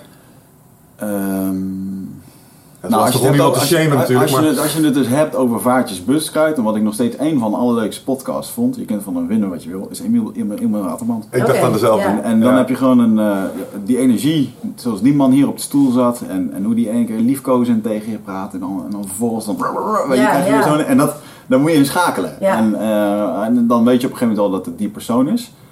Ehm, eh, ja, dat is. Nou ja, Nee, dat is niet- wel. heb ik, Dat- me niet, ik heb me daar niet ongemakkelijk in gevoeld. Ja, jullie hadden wel meer een beetje wrijving daarin. Het was een emotionele achtbaan. Ja, Maar dat is ook leuk. ja. Jazeker. Nee, nou, ik heb, ik, eh, zoals ik, het, ik heb het er later wel eens over gehad met mensen. Ik zeg, ik ben nog, en nog nooit zo het hele emotionele spectrum doorgepingeld. Van vrolijk tot geïnspireerd zijn, tot mild geïrriteerd, tot een beetje gegeneerd. Zo van, doe je dit nou echt? Tot weer Ja. helemaal van, oh, wat is dit eigenlijk een slimme vent. Ja, En je loopt echt in een staat en dan na de tijd klets je nog even met hem. Ja, je bent wel oké, maar ja. soms Wat was kom je echt... Wat was dat? Ja, nou dat. Ja. Ja. Dus dat, daar werden we wel echt even getest Ja. voor mijn Ja. gevoel. Maar dat ik wel- ja. Nee, dat is dan het lekkerste gevoel. Dus dat je naar huis gaat en dat je dan denkt van oké, wat was dat? Weet je wel, dat je dan aan het teruggaan bent. Maar dat zijn wel de, de avonturen die het, je werk leuk maken. En ik zit natuurlijk ook wel eens met een voetballer, vooral jonge voetballers die echt eh super doodsbang zijn dat ze iets verkeerd zeggen. Dus die dan echt, als ik dan aan jou vraag, wat is je favoriete positie op het veld? En dan zeg jij, ja, daar waar de trainer me wil hebben. En dan denk ik, oh nee. Weet je wel, dat is gewoon... Ja, dat, dat moet hij dan zeggen. En eh, dat heb ik wel eens gehad met een jonge speler. Dat ik op een gegeven moment ook echt gezegd heb, ik zei, oké, je moet nu even stoppen met dit. Want ik, ik zeg, ik snap dat je bang bent en ik snap dat je me misschien niet vertrouwt. Maar eh, je mag het sowieso lezen. Dus probeer gewoon wel iets van jezelf te laten zien. Maar ja, tegelijkertijd kan je ze het niet kwalijk nemen. Want de, de, zeker de voetbalpers eh, is eigenlijk de laatste jaren gewoon meedogenloos geworden. En vooral ook door online eigenlijk. Er zijn zoveel websites die gewoon één zinnetje uit een interview halen en die dat dan zo opblazen. En zij, je, hoort, je ziet gewoon dat ze aan het luisteren zijn naar iedere zin die uit hun mond komt. Van is dit een potentieel zinnetje wat. Wat vind, je, wat vind je van dat soort pers? Ja, dat vind ik eh, heel, heel eh, schadelijk. Ja, Hmm. want dat eh, zorgt ervoor dat mijn vak eh, steeds lastiger wordt. Ik heb daar echt wel eens over zitten nadenken. Hoe moet je in elkaar zetten als mens? Want ik kan me niet voorstellen dat als je zo iemand bent die op zo'n manier naar Ja. snippets aan het zoeken is, jij weet wat je aan het doen bent. Jij weet dat je iemand potentieel schade gaat brokkenen, je bent uit op drama en je wil een hetze creëren. Dat is negativiteit. Het draagt niet bij. Ik hoor jou ook zeggen dat het de relatie met de sporters verstoort, Mhm. zeg maar. Wat bezielt je? Ja, ja clickbait en, eh, en aandacht en, eh, en headlines. Dat is, eh, kijk, dat is, ik heb dat dus zelf nul. Dus, maar ik hoor best wel vaak dingen waarvan ik denk, oh, dit zou zo voor pagina Telegraaf kunnen zijn. Mhm. I don't care. Het interesseert me echt geen reet. Ik hoef die, want ik, met het idee dat iemand daar dan dus kapot aan gaat, want dat Mhm. is vaak wel het, het gevolg. Ehm, ja, dat, dat, staat, dat, dat wil ik helemaal niet. Daar krijg ik buikpijn van. En wat dat betreft ben ik echt een waardeloos journalist. Want ik heb helemaal ja, geen behoefte om daar ehm, eh, ja, om dat forum te geven. Dus om mijn, eh, mijn krant in dat geval en de, en de scoop eh, ja, belangrijker te vinden dan het effect wat het heeft op, ja, op de sporter in dat geval. En natuurlijk hoef ik niet nou, allemaal alleen maar met zachte handschoentjes te aaien. Maar ja, ik, eh, ik ben er altijd mee bezig, gewoon wat het effect eh, kan Ja. zijn voor iemand. Maar het meest kwalijk vind ik het feit dat eh, het uit de context trekken. Mhm. Ik bedoel, er worden, Ja. als, je, als je echt zou willen, zou je met deze podcast alle materiaal wat we hebben en je zou een hele slimme edit maken, zou je ons echt, echt afschuwelijke dingen Ja. kunnen laten zeggen. Ja. Maar de dingen werden gezegd in een bredere context. En ik vind het zeer kwalijk als mensen die journalistiek eh, menen te betrachten of eh, eh, in ieder geval een platform hebben, als die daaraan voorbij gaan. Ja, nee, dat is gewoon. eh, Je merkt zeker dat voetballers gewoon echt letterlijk denken over welk zinnetje uit welke context kan worden getrokken. En, en hun perschef trouwens ook. Ehm Daily Blind, die ik dus laatst interviewde. We hadden het over eh, kleedkamerhumor. En ehm, ik vertelde van, nou, ja, vroeger hebben jullie het wel eens over kleding, of elkaars kleding. En eh toen zei ze, ja, we- zitten elkaar zeker wel belachelijk te maken. Ik zei, nou, noem eens een voorbeeld. En toen zei hij van, nou ja, bijvoorbeeld als iemand elke dag met dezelfde schoenen aankomt. Toen zei ik van, nou oké, wie komt er dan met dezelfde schoenen aan? Toen noemde hij dus die naam van die voetballer bij Ajax die altijd dezelfde schoenen aankwam. Dus, en, eh, dus dat ze hem daar een beetje mee pest. En dat het zo lijkt dat hij altijd dezelfde Adidasjes aan heeft. En pas tussen er wat van zei dat hij andere schoenen aan had. Dus dat stond in de tekst. Ja, dat haalt de perschef er dan uit. Omdat je inderdaad, daar kan je gewoon dan een zinnetje van maken van eh, Pietje Puk heeft altijd dezelfde schoenen aan, weet je wel. Dat gaat dan helemaal, dat weet je gewoon dat dat gaat leven. En ook eh, ja, in, het, in hetzelfde alinea nog is er ook uitgehaald bijvoorbeeld... Uh, Daley Blind is nu de, de, de, de DJ van de kleedkamer. En uh, dus ik vroeg van ja, hoe, kan je dan muziek uitzoeken die iedereen leuk vindt? En dus hij zei, nou, ik heb gewoon een beetje geïnventariseerd wat iedereen leuk vindt. En, maar natuurlijk zijn er jongens die gewoon zelf oordopjes in hebben en uh, die, die hun eigen muziek hebben. Dus ik vroeg dan van, nou, wie zijn dat? Heeft hij ook die namen, zijn er natuurlijk ook uitgehaald. Want anders wordt dat, dat wordt pas echt groot. Van, nou, die willen niet naar Daily's muziek luisteren, weet je wel. Dus dat, dat weet je gewoon. Dat zou dus in het wielrennen gebeurt dat dus natuurlijk nul. Want dat is gewoon een heel andere soort pers. Maar in de voetbalrij gebeurt dat gewoon. Ja. Dus vermoeiend. Heel vermoeiend, ja. Jeetje. Ja. En heel leeg eigenlijk ook. Ja. En waar gaat het over? Ja, dat je gewoon een stelletje jakhalzen, weet je wel. Ja, maar het is dat is hun het. eigen schuld. Het is, uh, bedoel, ze, ze zouden het er niet uit hebben gehaald als, als wij en uh, daar, de pers daar niet dan zo'n... Uh, en, ja, ik doe, ik doe het dus nooit, maar inderdaad, de, dat gaat gewoon viral. Maar is het, vindt dat geen zuiverende werking vanuit de journalistiek? Bijvoorbeeld als jij als interviewer staat. Je zult vast een paar uh, mensen kennen uit uh, die scene waarvan je weet dat die dat doen. Van, oh, je bent er zo een. Die, die worden toch met de nek aangekeken of zo? Begint dan niet van, hé, hey, hou eens mee op, je maakt mij mijn leven zuur. Uh, ja, nou, de, de, de, er zijn uh, websites die uh, ons het leven zuur maken door inderdaad gewoon overal um, plukjes uit onze interviews te halen en daar dan dus uh, heel erg mee ja, de, gaan, gaan shinen. Alsof zij dat nieuws hebben gebracht. Mm. Dat zijn, die worden wel echt met de nek aangekeken, ja. Maar dat zijn de, roddel, de roddelbladen? Nou, niet echt de roddelbladen. Je hebt zeg maar... Um, op voetbal gerelateerd zijn er twee websites en die, dat zijn gewoon echt clickbait websites. Dus die halen gewoon, en dat vinden wij vooral heel vervelend omdat wij dus een, uh, ja, investeren in onze, in onze band met de voetballer. Mm. Dus uh, die vertrouwt mij, die gaat dan dus een gesprek met mij aan. Daar ben ik heel lang mee bezig. Dan vlieg ik misschien naar voor Qatar, voor, voor Wesley Snyder. En dat, dat kost ons heel veel geld ook. En, en, en investeren we in. Dan wordt dat dus uitgebracht, zet bijvoorbeeld in de JFK. En dan pakken zij daar gewoon een alinea uit en dan plakken ze een headline boven. En dan staat er uh, Wesley Snyder, heeft bladibla gedaan. En, dat is daar, en daar scoren zij dus heel veel, daar hebben zij dus banners en daar verdienen zij gewoon geld aan. Ja. En vooral die worden inderdaad door onze, wij als gewone pers met de nek aangekeken. Omdat dat gewoon, ja, dat is echt broodroof gewoon letterlijk. Ja. Um, en voor de rest, ja, zijn inderdaad de, de telegraafs, die leven gewoon op, uh, op uh, dat soort uh, schreeuwerige koppen. Ja. Dat, uh, dat weet je gewoon uh, dat dat erbij hoort. Ja. ja, ik zei het net al, het lijkt me echt ongelooflijk vermoeiend. Als, de, als je op zo'n manier, en zeker als je als, als jonge voetballer zeg maar, in zo'n situatie wordt gezet en je maakt er een fout mee, jongen, daar kun je echt last van hebben. Ja joh, en dat krijg je nooit meer van. En als je dan pretendeert een voetbalfan te zijn, dus je vindt het een leuk spelletje, anders startte je er geen website over, dan kan dat toch niet het effect zijn wat je voor ogen hebt. Denk ik dan. Nee, ja. Ja, to, nee, maar daar, daar moet, er moet ook geld verdiend worden. Dat, Mhm. is gewoon, dat zijn dan niet per se de fans, maar gewoon, uh, ja, er En- moet gewoon geld verdiend En, worden. en nou hebben we het net even gehad over dan de twee persoonlijkheden. Bijvoorbeeld zo'n Peter R. de Vries en ehm, ehm, Louis van Gaal. Louis van Gaal. Als je naar hun kijkt, dan zit er gewoon een, eh, een laagje overheen van zero fucks. Die geven daar gewoon niks om. Nee, En dat, dat heeft een sterke persoonlijkheid nodig. ja. En een harde, ehm, eh, harde huid, denk ik. Mhm. Dikke huid. En zijn er ook voetballers, eh, voetballervoorbeelden die gewoon daar echt zero fucks over geven en eh, het gewoon doen? Uh, Slatan Ibrahimovic, um, die, uh, die, die geeft zero fucks. Die maakt het inderdaad geen reet uit wat ze schrijven. Ja. Um, Was die meneer met dat lange haar, toch? ja, Ja, ja. dat wist ik.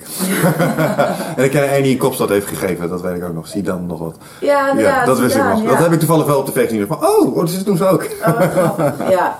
En Theo Jansen. Ja, het, eh, wat heel erg scheelt is als ze aan het eind van hun voetbalcarrière zitten. Dus um, toen ik bijvoorbeeld uh, uh, Edwin van der Sar ging interviewen, ging ik daarvoor naar Manchester. Die kan je niet meer zoveel maken. Die is gewoon zo goed. En um, ja, dan kan, die kan de pers in ieder geval niet meer kapot maken. Maar jonge voetballers natuurlijk nog wel. Mhm. Ehm, dus dan, die zitten gewoon op een heel andere manier bij te praten. Die, die denken helemaal niet na over. Natuurlijk wel denken ze na over of ze misschien iets schadelijks zeggen over een andere persoon. Ja. Maar die zitten lang niet zo verkrampt eh, te praten als, eh, als jonge voetballers. Ja, toch vond ik eh Tony Gerbrands ook wel echt gewoon eh, een goede spreker. En ook, dat heb ik ook wel in dat interview tegen hem gezegd, ik vind het wel echt knap. Je ligt echt wekelijks met je hoofd op het hakblok, Mhm. eh, op meerdere vlakken. En eh, ja, het is gewoon wel echt erover. Ja. Gewoon wel, eh, ook, ook echt wel een stevige persoonlijkheid. Ja. Ja. Nou, dat is natuurlijk het grappige van als je dan Peter R. de Vries of Louis van Gaal noemt. Kijk, Peter R. de Vries is mega emotioneel. Die kan zo in de tranen schieten, is hartstikke gevoelig.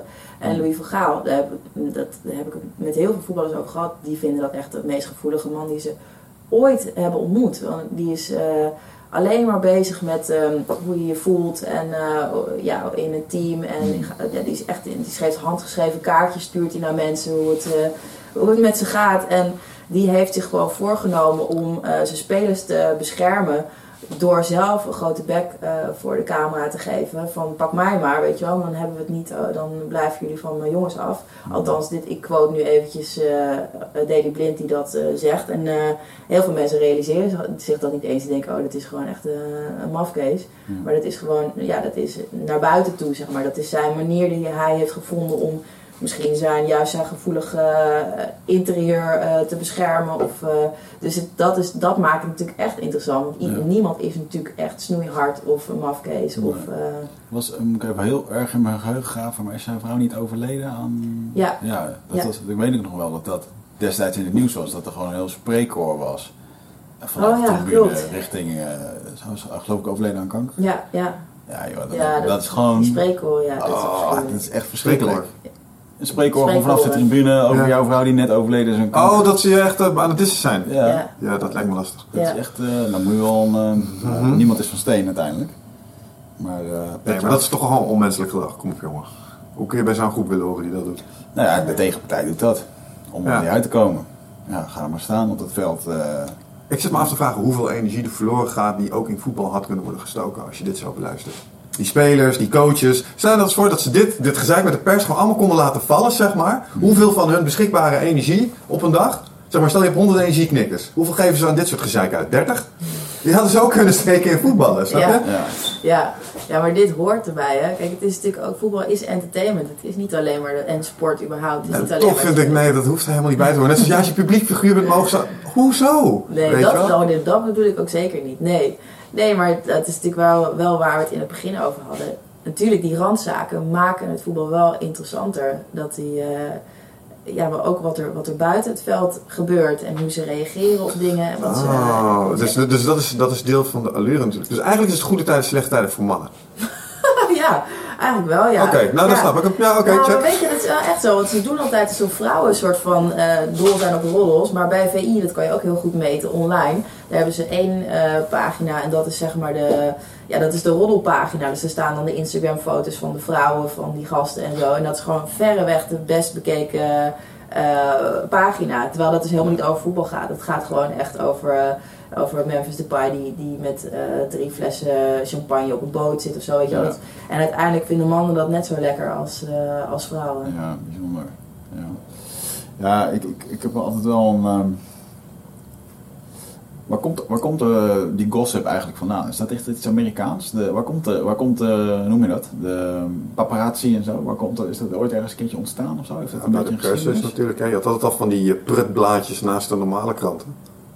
Ja, ik denk dat ze vroeger hebben geleerd dat bekende mensen, dat, dat trekt ogen en dat dus oplages. En hoe smeuiger het nieuws, ehm, hoe meer oplages. Ik bedoel, daar is dat ooit ontstaan. Ja. En mensen zijn gewoon eh, daar dol op, op roddelen en op ehm, als het slecht gaat met eh, Het het, ja, Ja. oproer. ja, ja, ik bedoel, kijk naar Twitter. Dat, dat vind ik trouwens echt, dat hoorde ik laatst bij een Joe Rogan podcast, dat Twitter echt voor een heleboel Amerikaanse journalisten echt de bron van nieuws is tegenwoordig. Mhm. En eh, wanneer heb jij, is de laatste keer dat jij een leuk Twitter bericht hebt gelezen? Het is altijd ik negatief haal gedoe. heel veel nieuws uit Twitter, jongens. Ja. Ik ook. Oh, ja, het is echt Twitter, voor ons, eh, onze journalisten, daar Ja, gebeurt het Ook wel. in Nederland dus. Ja, zeker in de sportjournalistiek. Ja, want Ja, daar, is echt, daar ben je het snelste met, eh, met nieuws. Hmm. En ehm, ik- als ik voetbal zit te kijken, dan heb ik gewoon Twitter aan. Om te, Ja. gewoon te kijken wat zich daar, wat iedereen zegt. En, eh, Gezellige plek op Twitter. Ja, ja. maar Kanker van ja, het internet. jullie zitten niet op Twitter? Nee. Nee? Nee, nee, Ik dat ben- negeren we. Ik ben een keertje bij RTL Late Night geweest. Toen kreeg ik ook een Twitter... eh, eh, eh, hoe noem je dat? Feedback. Hoe zag je dat dan? Nou, dat, ik, dat is heel grappig. Dat ik, eh, ik zat een beetje de dag erna. Dat was mijn eerste ervaring echt op televisie. Dus dat ik met 10 minuten verschijning eh, 130 eh, berichtjes in mijn Facebook had. En eh, dacht ik echt al van wauw. eh, we hebben bereik, maar dat was echt bereik. Ja, En ehm, eh, en dat was eigenlijk allemaal gewoon heel fijn en leuk en Mhm. positief. En toen ging ik inderdaad op Twitter en dat was... eh ja, Poepparade. te zeiken. En eh, ik zat het overdag te lezen en nou, oké, apart, want de rest was wel positief. En toen liet ik het s'avonds aan mijn vriendin zien, om tien uur of elf. Toen weer de nieuwe aflevering op, online was. Mhm. En toen zag ik eigenlijk precies hetzelfde, dezelfde types die ook weer reageerden. Dus Ja. toen was het dat mijn, eh, mijn, eh, mijn stropdas dat kanker schreef. Eh, dat ze, ja. die zo, holy Ja. shit. En ja, waar gaat dit dan over, weet je wel? Ja. Ehm, maar voor mij wel inderdaad een ervaring van wauw, eh, dit is dus wel gewoon wat op de bank zitten kijken. En, Ja. en waarom, wat neemt dan de moeite dat je ja, daar zo in opgaat? En hetzelfde met nu.nl van die comments. Wat doen die mensen de hele dag, weet je wel? Oké, ja, dat is wel een kant van Twitter die ik zelf dan niet zo zie. Want je kan natuurlijk gewoon je eigen bubbel creëren door gewoon alleen Ja. mensen te volgen die je leuk vindt. En niet op jezelf eh, te, te Ja, ik zat gewoon hashtag RTL Late Night of zo. Ja. Dan, eh, dan Ja, het is wel vervelend dat mensen dus inderdaad eh, de behoefte voelen. Dat als ik dan bijvoorbeeld ergens, laatst was ik ergens ge- geweest mm, bij Dit is M. Toen bij de start van de eredivisie. Toen had ik iets verkeerd gezegd over de capaciteit van het stadion van FC Ja, Fuck. Pas je Ja. op! ja, dan krijg je gewoon echt letterlijk mensen die je gewoon echt aanvallen. En je daarin taggen, zodat je het ook echt ziet. Mm. Zeg maar, dus ze willen je echt kwetsen op dat moment. En ehm, ja, dat is gewoon een hele vervelende kant. Maar dat zie je op Twitter en op Facebook. En mensen sporen wat dat betreft gewoon niet. Maar in die zin gebruik ik Twitter dus gewoon. Ik volg eh, gewoon de journalisten, sportjournalisten, sporters. Ik vind het leuk dat het voor sporters wel een manier is hoe ze hun eigen boodschap eh, zonder ge- gecensureerd te worden eigenlijk eh, naar buiten kunnen brengen. Dus Dat is, zeker wel, Dat ja. is wel fijn. Ja, Maar in welke hoedanigheid zat je daar dan toen eh, bij? omdat ik bij de Indianenstam was geweest. Oh, oké. Ja. Oké. Dus dat vond ik interessant genoeg Ja. om daarover te kletsen. Nou, als je het dan hebt over clickbait. Humber- Humber- Humberto Dan zegt... eh, nou, dat ik een beetje zat te vertellen wat ik daar deed. En, en- en natuurlijk, ze hadden al gebriefd van tevoren. En ze wisten dat het ook over ayahuasca ging. Ik wist ook dat die vraag ging komen. En prima, want eh, dat was een van de redenen waarom ik daar naartoe ben gegaan. En ik weet hoe erg het mij had geholpen. Dus, Ehm, dus hij maakt op een gegeven moment de opmerking... Nou, het, het lijkt wel alsof je... eh nou, ik had dus een indianenpijp ding. En hij, hij zegt, nou, het lijkt wel alsof je daar eh, met z'n allen gewoon op een grote junko eh, hebt gezeten. Nee, zegt een medicijn, wordt ook beschouwd als heilig. Nou, prima verhaal eh, waar ik dat uit, heb gelegd. Dan staat er de volgende dag op YouTube, kleine snippet. We gaan met z'n allen een grote junko roken. Dus als je mij nu googelt, dan krijg je dat filmpje waarin Ja. Humberto Dan dat zegt. En toen dacht ik wel van, ja, ja, fuck man, dat vind ik eigenlijk wel echt heel jammer. Ja. Eh, ik snap ook wel dat daar eh, niks aan te doen is. Mhm. Eh, maar eh, ja, een goede les. Een goede les. Ja. Ja, het is zeker een goede les. En je kan ook nog, je kan er ook gewoon wat aan doen, hè. Dus je kan ook zeggen, van, haal het er eens af. Dat hoeven ze niet... eh, Of noem het anders. Ja. Nou, er zijn wat ontwikkelingen in het kamp van RTL dat ik misschien wat meer zeggenschap daar krijg. Dus dan, eh, Ja, Mogen we het daar nou al over hebben of is dat nog steeds top secret? Eh, Beetje, beetje. hmm, Geef eens een uh. Welke letter begint het? ja. Nou, ik ben, mijn, mijn droom is om de wereld rondgestuurd te worden om Indianenstammen te bezoeken. Oké. En eh, daarvoor ben ik wel, eh, eh, zijn we in eh, een gevorderd stadium met gesprekken. Wie is we? Dat kan niet zeggen. Oh, oké. Ehm, maar ja, dat, als ik dat, eh, dat zou ik heel graag willen doen. Oké, dat klinkt tof. Documentaires maken. Oh ja. En, Ik eh, kan niet wachten. Is je weer een maandje weg. Eindelijk ben ik weer alleen hier. Ja, nou, ik, had, ik had daar een idee voor en eh, dat heb ik eh, ge- neergelegd bij eh, wat namen en balletjes aan het rollen. Oké. Ja, dus ik hoop dat het, eh, doorgaat. Ja. En dan, eh, eh, ja, dan zit je in één keer in het kamp van. En dan is het anders, Ja, denk ik. En eh, dan moet het natuurlijk ook gepromoot worden. En, eh, Nee, maar weet je, je, je het is helemaal niet dat, eh, in dit geval was het dan RTL, dat heel RTL dit dan doet. Het is Nee. één poppetje die daar waarschijnlijk om, om 12 uur s'nachts nog zit. Die denkt, god, ik wil naar huis. Ik typ even snel iets, die maakt een kop en lachen. Weet je wel, die staat daar helemaal niet bij stil. Nee. En dat is ook heel makkelijk weer ongedaan te maken. Dat heb ik ook al gedaan als er... Ik had bijvoorbeeld een verhaal geschreven... ehm, of mijn eerste boekje, dat heette Voetbalmoeders. En daar had ik elf moeders van topvoetballers eh, geïnterviewd. Dus die kon ik ook opstellen als elftal. Dus zeg maar moeder van de Sar, Doel enzovoort. En daar was de moeder van eh, Wesley Snyder. eh, zat daar ook in. En die had echt een best wel ja, een heel heftig verhaal over wat het met een moeder doet als dus jouw kind zo onder vuur ligt. dat, die, heeft nog, die is veel nerveuzer. Die is allemaal stuk voor stuk veel nerveuzer dan, Ja. dan die zoons daar. En eh, zij vertelde dus dat zij soms zo nerveus was eh, dat ze oxazepam eh, moest nemen. En beschreef dus dat ze eh, ja, zich helemaal te pletter rookte. En dat ze op een gegeven moment daar dus ziek van werd. En dat ze dus ook een hart met ritmestoornissen kreeg. En dus gewoon door dat, die gezonde leefstijl, zeg maar. Dus ze kon dat heel goed uitleggen. Dat het op een gegeven moment een soort, dat dat een opbouw was. En toen had dus, ik meen het AD, had daar dus uitgemaakt, eh, had daar een kop van gemaakt. eh, dankzij, Wes- eh, dankzij mijn zoon Wesley kreeg ik een hartaanval.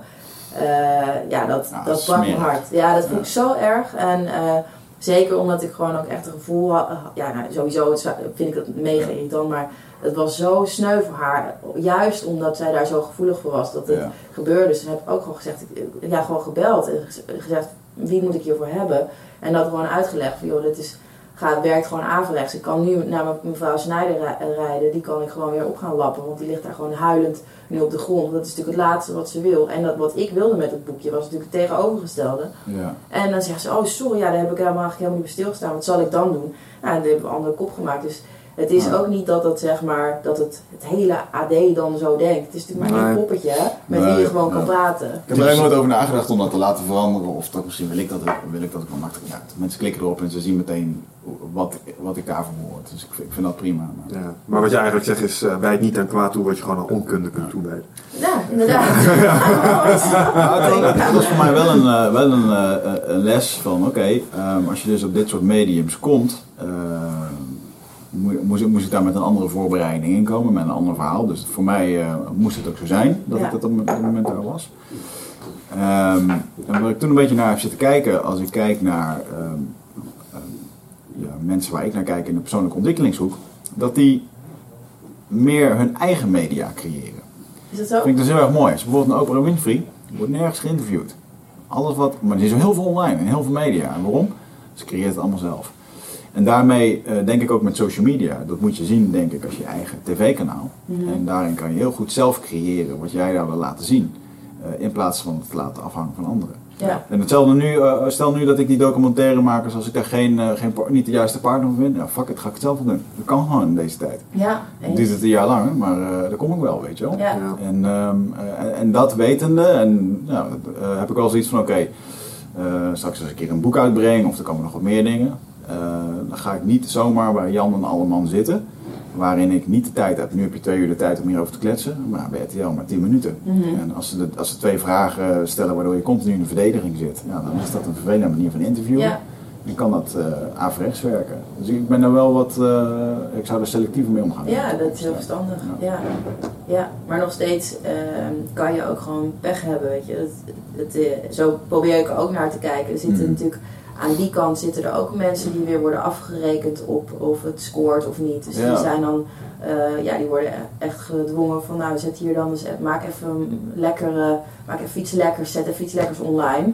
Ja. En dan gebruiken ze jou voor. Uh, maar inderdaad, dat, dat, dat, hoef je niet te pikken. Maar, uh, maar dat is wel heel verstandig, dat je gewoon zuinig bent op, uh, op jezelf en, en op je boodschap, ja. Denk je dat het, mild provocerende vraag, maar hoe lang heeft tv nog, denk je? Hoe, hoe lang heeft tv nog? Ja, op de vorm zoals ja, we het nu doen. Vraag. Want ik denk, ik denk ook dat, uh, bijvoorbeeld, waarom kijk ik naar een boel van die dingen? Ja, ik, ik, het vibe niet met mij. Ik ga heel specifiek mijn eigen content opzoeken. Mhm. Mm -hmm. Net wat Wigert zegt, ik zoek eigen contentmakers op. Die maken dingen, die kan ik niet op tv vinden. Um, en ik zie meer mensen dat doen. Ik denk dat er meer mensen s'avonds nu Netflixen dan dat de tv op staat. Het is Ja. bij ons echt een... Je komt langs de tv op het moment dat je de smart tv aanzet. Hij gaat naar die code, je drukt op de smart hub en je gaat naar Netflix die in je smart tv zit. En dan zie je nog even wat erop komt en denk je, oh reclames, ja dat was een ding. Snap je? Dus Ja. tegelijkertijd vraag ik me ook wel eens af, hoe lang duurt dit nog? Heb jij daar een idee over? Nee, ja, ik ben dus best wel een tv-kijker, eerlijk gezegd. Oké, oké, ja. oké, ja. En, eh, maar ik zie, ik zie eh, wat jij beschrijft. En, eh, en inderdaad, een jonge generatie kijkt er amper meer naar. Wel naar sport, want er is gewoon niet echt een medium waar je zoveel, dat nog zoveel geld heeft om er zo'n mooie ronde show van te maken. Mhm. Dus dat je echt gewoon alle interviews en alle beelden van een Olympische Spelen of van een het, WK Ja. Dat kan je niet online eh, nog. Ehm, of ja, dat wordt ook online uitgezonden, maar ook gewoon op tv. Maar je hebt helemaal gelijk. Het is natuurlijk super ouderwets. Eh, ik zie mezelf dus inderdaad liggen met die afstandsbediening. En, en dat je, ik hoor mijn nichtje ook zeggen van waarom zou je zitten wachten tot iets voorbij komt. En ik, ja, ik, ja, ik weet dat niet zo goed waarom ik dat doe. Maar- Nou, ik heb dat ook. Dat is wel een bepaald gevoel, dat heb je nu niet meer. Dat is iets dat, dat kennen wij nog. Vroeger kon je de tv aanzetten, zet je net op 4, fuck yes, Terminator 2. Ja. Net begonnen, weet je wel? Oh, dit wordt een leuke avond. Dat heb je nou niet meer. Nee, ik, kan het, ja, ik kan dat inderdaad nog steeds dan. denk ik, oh, ja, oh ja, leuk. En dan, eh. Ik heb dan nu wel door dat ik nu gewoon dan op het knopje kan drukken dat ik nog even vanaf het begin kan kijken. Dus dat vind ik al fantastisch. Maar je, nee, het is natuurlijk absoluut eh, niet rendabel in de manier zoals het eh, nu is. Nee. Eh, want ja, die jonge kijkers zijn ze kwijt. Dus Ja. op een gegeven moment sterven mensen als ik ook uit. Ja, of niet. Want wat, er zijn die twee mensen geweest die hebben mijn ogen daar wel in geopend. Ook een beetje kijkt naar wat Wiggen nu pootje gaan doen. Dat waren Mental Theo en Bruce Perry. Ja? Mental Theo die heeft gewoon allerlei programma's gemaakt op eigen kosten. En die heeft hij verkocht aan clubs als TMF en MTV. Of eh, TMF alleen volgens mij. Of Mhm. Weet ik veel. Dat hij naar die disco's ging. Dat die mensen stomme dingen dronken Ja. doen. En dat, daar, daar werd veel naar gekeken. Maar dat maakte hij zelf. En dan kwam hij gewoon met die tapes kopen. En Bruce Perry die deed volgens mij eh, in het begin ook hetzelfde. Die is volgens mij op eigen zakken zien naar, naar Uh, stammen de gegaan. eerste vier eh, heeft hij gedaan met, met de BBC. En die, die, toen werd het eh, succesvol. Toen is hij met de regisseur het zelf gaan produceren. En toen heeft hij het verkocht aan de BBC, exclusief. Dat is zijn verhaal. Ja. Oké. Dus En dat kan jij ook doen. Dus dat kunnen wij ook doen. Ja. Dus we kunnen content produceren en ergens bij eh, of internetmedia of traditionele media kun je ze neerleggen.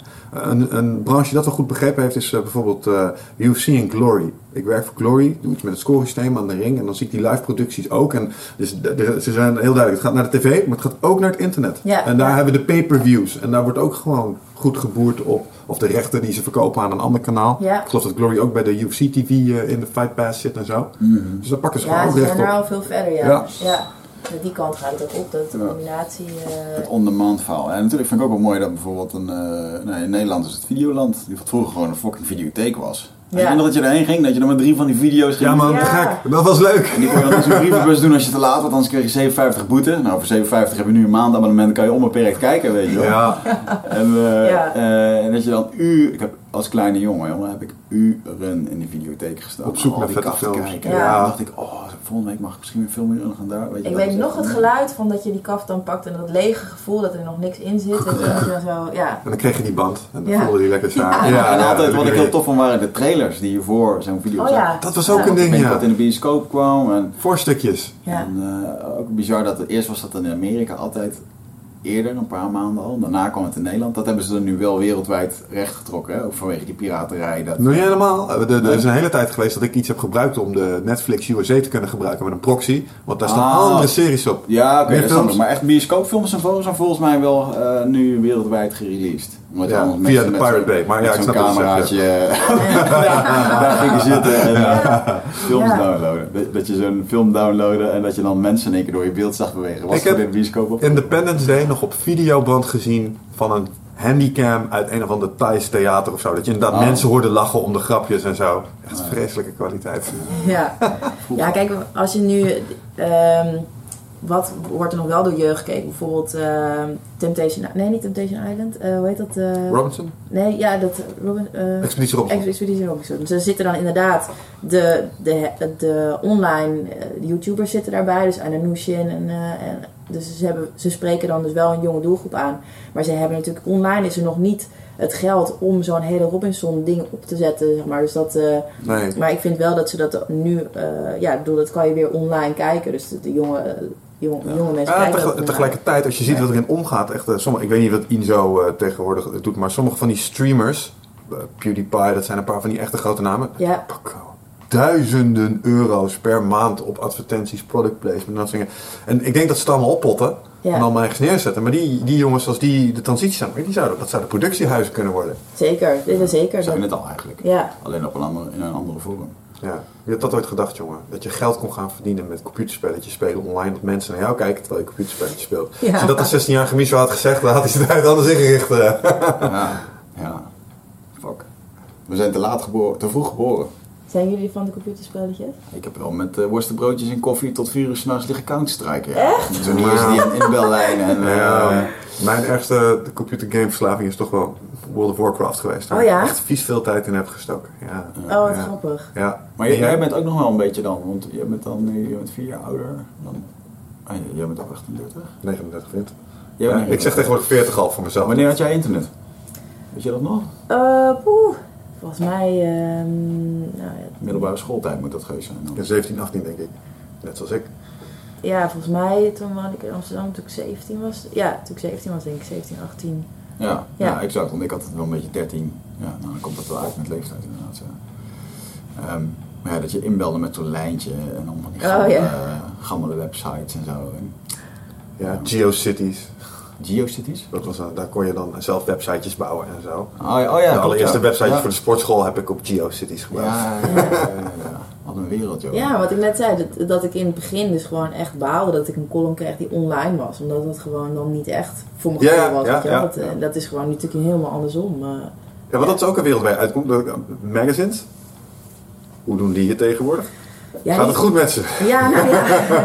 ja, nou, degenen die het goed doen, die doen het echt heel goed. Dus Mhm. bijvoorbeeld de Linda doet het verschrikkelijk goed. En eh, JFK, waar ik dan zelf vandaan kom, want ik heb- ben eerst, eh, voordat ik voor mezelf ging werken, was ik vijf jaar chef bij JFK.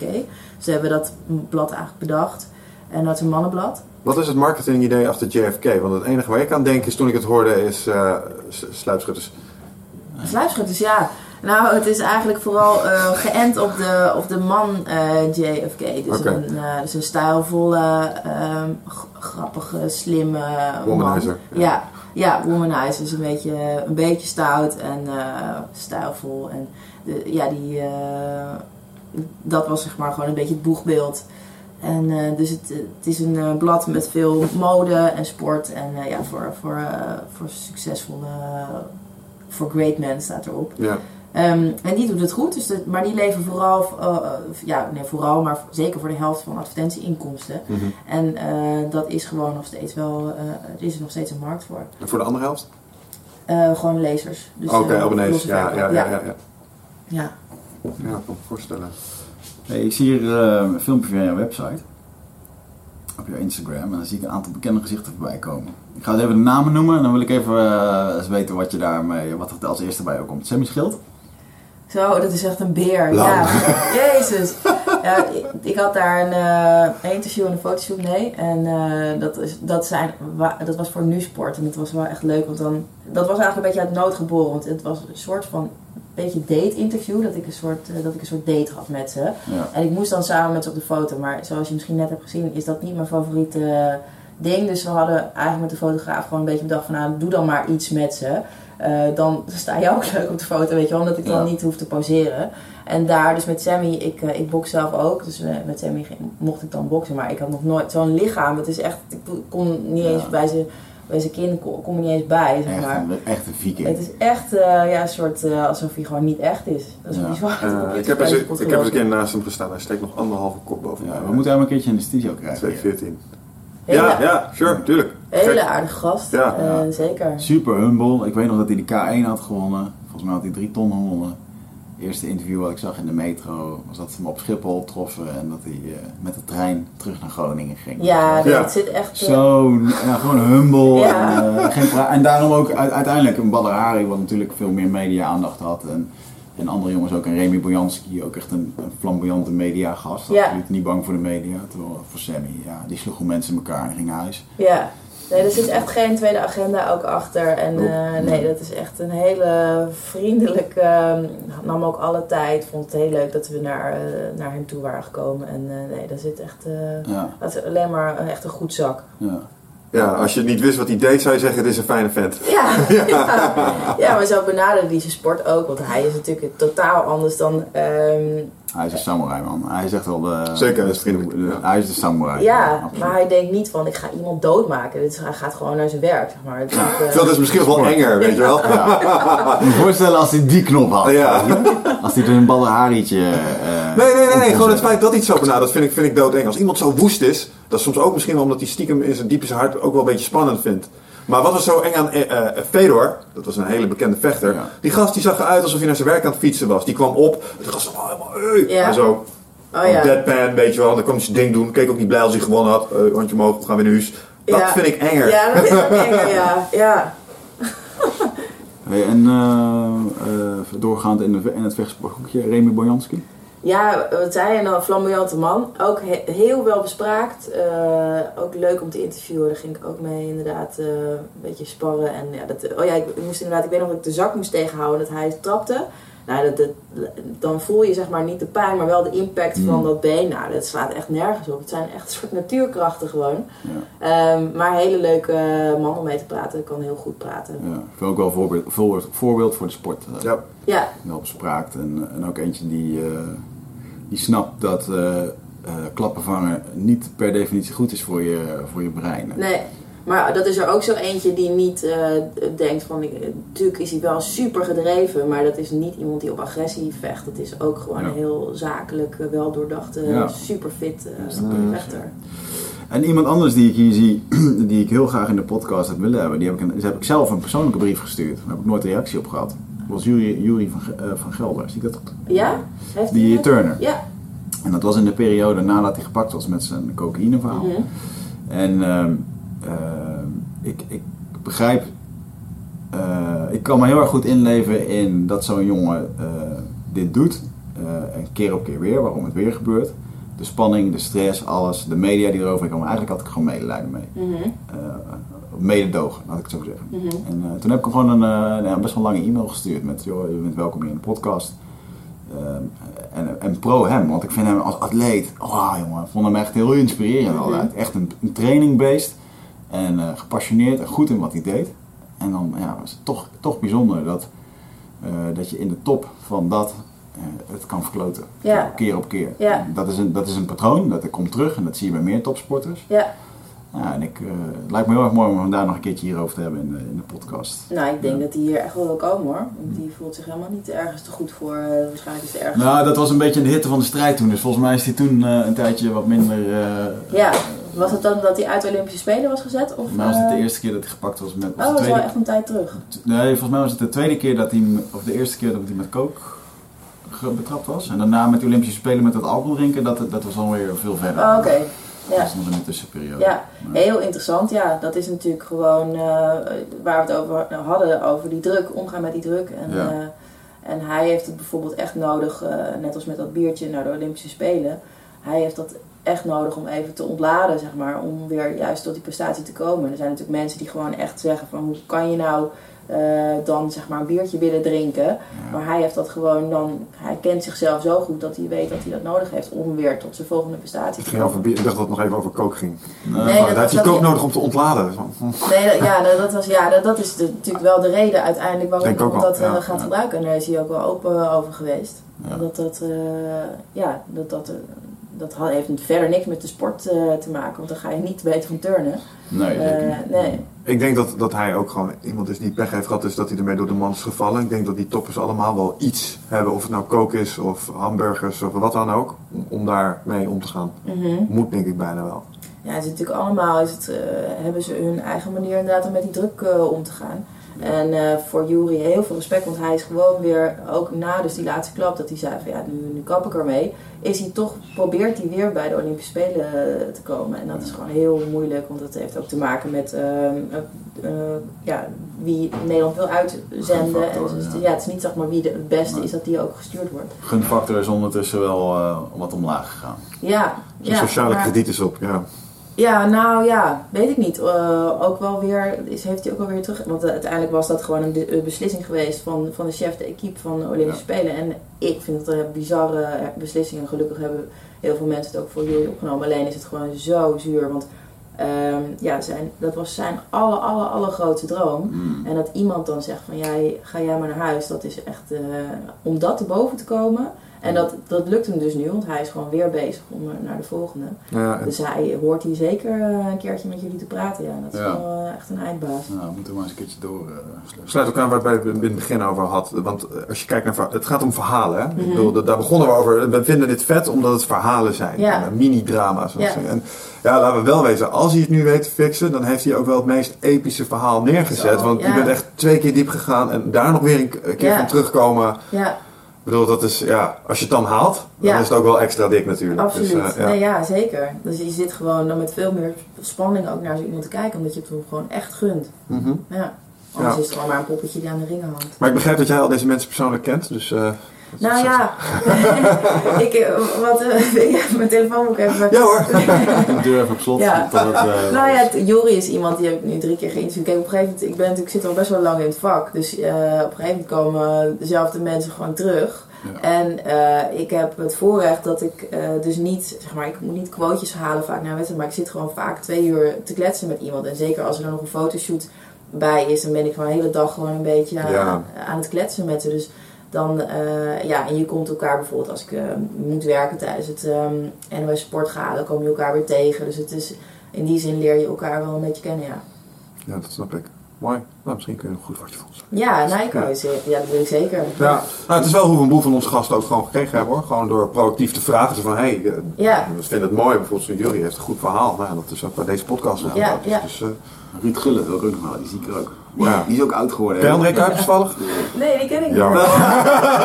Daar zitten we nu bijna op een punt dat hij niet meer hoeft. Ja, dat is Ja? natuurlijk met dit André. Ja, we hebben best wel veel contact gehad met. eh André was een soort van. Hij ja, de, de, de wereld gezien, de ruimte. Wij Ja. vonden dat natuurlijk tof. En ondertussen is, ons veld ook wel gewoon verbreid. We hebben ondertussen, verbreed, verbreid, verbreed. En we hebben ondertussen ook wel gewoon internationale gasten gehad die gewoon echt wel. Ja, als die Michael Pollan. Die werd door de Times Magazine genoemd als eh, top 100 eh, meest eh, invloedrijke persoon. Mhm. Die maakt gewoon een documentaire over, dat is drie jaar lang. En dat, eh, dat is gewoon top of mind bij iedereen. Ja, ja, Ja, daar zitten we gewoon super lachen mee te, mee te, mee te kletsen. ja. Ik vond het een super mooi compliment dat hij gaf. Hij zo, eh, what are you guys? En wij hebben dit gewoon opgezet omdat we de, de Joe Rogan podcast luisteren. Mhm. We zitten in Amerika. Oh ja, ja, wij zijn gewoon de shamelessly copied eh, Joe, Joe Rogan of the Netherlands. eh, eh, die categorie, daar proberen we iets in te doen. wat grappig. En toen waren we klaar en toen zei hij, oh, this was definitely Joe Rogan style. Dacht, yes! Wat leuk. Cool, ja. Ja, maar uiteindelijk... Mijlpalen. Ja, maar dat is wel, je moet gewoon volhouden. Met De, langste, de adem wint uiteindelijk. Ja. En eh, er zijn echt mensen die ik gewoon wil interviewen, die ik gewoon rustig jarenlang dezelfde brief heb gestuurd. Ja. En eh, bijvoorbeeld eh, Dennis Bergkamp, die wilde ik heel graag interviewen. En eh, dat was toen in de tijd dat hij al tien jaar geen interviews meer had gegeven. Toen heb ik gewoon Oh, wow. nou, ieder half jaar ook wel eens een handgeschreven brief gewoon naar zijn management gestuurd. Dat je in ieder geval, dat als hij dan een keer moet, dat jij dan misschien wel bovenaan ligt. En dat gebeurde ook inderdaad. En dat, ja, dan moet je niet, je, je moet dat, eh, ja, je kan het als frustrerend dan gaan zien dat je steeds niks hoort. Maar je kan Ja. het ook gewoon in je systeem bouwen, want uiteindelijk eh, krijg je daar gewoon credits mee. Ja. En eh, valt het vaak wel op zijn plek op een gegeven moment. Dat is ook wat Toon Gerbrands ons nu vertelt. We, moesten, we zijn twee keer met Toon eh, Gerbrands geweest. En de laatste keer heeft hij ons eh, eigenlijk een beetje accountable gehouden. Is, Toon, is eh, André Kuipers geweest? Nee, waarom niet? Jullie hebben gewoon niet goed je best gedaan. Weet je? Als, je- als je dit echt wil, dan lag je nu voor zijn kantoor. Ja, Ja. ja Toon. Sorry. Ja, gewoon bij volhouden, ja. Ik denk ook niet Ja. dat we terug mogen komen voordat die eraan Ja, is. precies. Als we, als we nou heel brutaal mogen zijn en ja, we gaan even door op dit, eh, dit verhaal. Wie zou er volgens jou, die jij kent en waarvan jij acht dat jij dat voor ons kan regelen, wie zou hier in die podcast moeten komen? De, oh, ik moet het ook kunnen regelen. Nou, in de zin van eh, dat, eh, ja, nou ja, ja, laaghangend fruit. Nou, ik, eh, ja, het is misschien een beetje te makkelijk, maar ik vind Jury een heel goed voorbeeld, ja. Dat is echt iemand die gewoon echt heel veel klappen heeft gehad. Echt veel meer dan, dan een normale sporter. En er nog steeds staat. Die Ja. heeft over, als je wil praten over mentale weerbaarheid en gewoon opstaan en Ja. nadat je duizend klappen hebt gehad, dat is super interessant, ja. Nou, als, Ja. je dat, eh, Ja. als je dat kan regelen, dan eh, stuur je een flinke bosbloemen. Ja, Ik heb hem. Krijg ik een bos bloemen? Wat En je? chocolade. En de chocoladereep, ja. Hoor? Ja. Oh ja, chocolade en bloemen, daar doe ik het voor. Oké. Nou, top, bij deze afgesproken. Bij deze afgesproken. Ja, maar zo makkelijk ben ik. Eh, hoeveel tijd zit het eigenlijk? Volgens mij zit het Ah, wel het gaat hard, ja. twee uur. Wat gaat de toekomst jou brengen? Eh, wat gaat de toekomst mij brengen? Ik heb dus echt gewoon de leukste baan van de wereld. Al een tijdje. En eh, het klinkt zo hippie-achtig. Ah, maar is vraag, werk je hier of zo? nee, ja. nee, maar ik ben echt, eh, echt super blij en dankbaar met wat ik doe. Ik heb, het zijn zoveel verschillende dingen. Ik doe nu ook heel veel presentaties voor eh, bedrijven. En dat is erbij gekomen. En dat is, heb ik, had ik eigenlijk nooit verwacht. En er is tv en het is radio en het is schrijven. En in de branche die ik het allerleukst vind. Ja. Waar spreek je over voor bedrijven?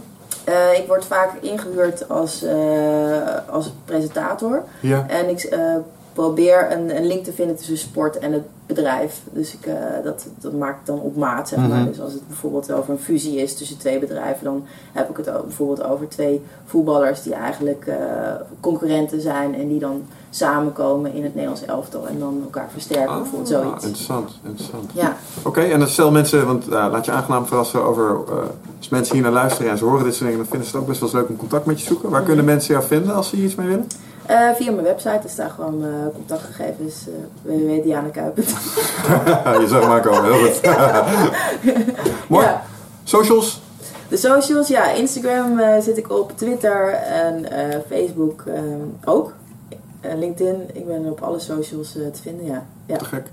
Oké, Ja. ik denk dat is het voor nou man. Ik vond het een leuk gesprek. Ja, Ik ik ook. ook. Ja, Wat is het omgevlogen? Nu is de, ja, de journalist werd geïnterviewd. Heel raar blijft dat, ja. Ja, Nou ja, Dat ging goed af. Dus. Het ging goed af, ja. ja? Oh, dank je. Je, je praat makkelijk en eh, ja, je, hebt veel, je, hebt veel, je hebt veel verhalen, weet je wel. Omdat je natuurlijk veel verhalen hoort. En, eh, Ja. ja. Ja, ik zit al, ja, dat besef, besef ik. Ik ben natuurlijk 38, dus ik, eh, en ik was begonnen toen ik ook 23 of 24 was. Dus ik heb gewoon, ja, als je dan iedere week wel een keer een sporter spreekt, en op een gegeven moment heb je echt een enorme Ja. database aan verhalen, ja. Ja, ja.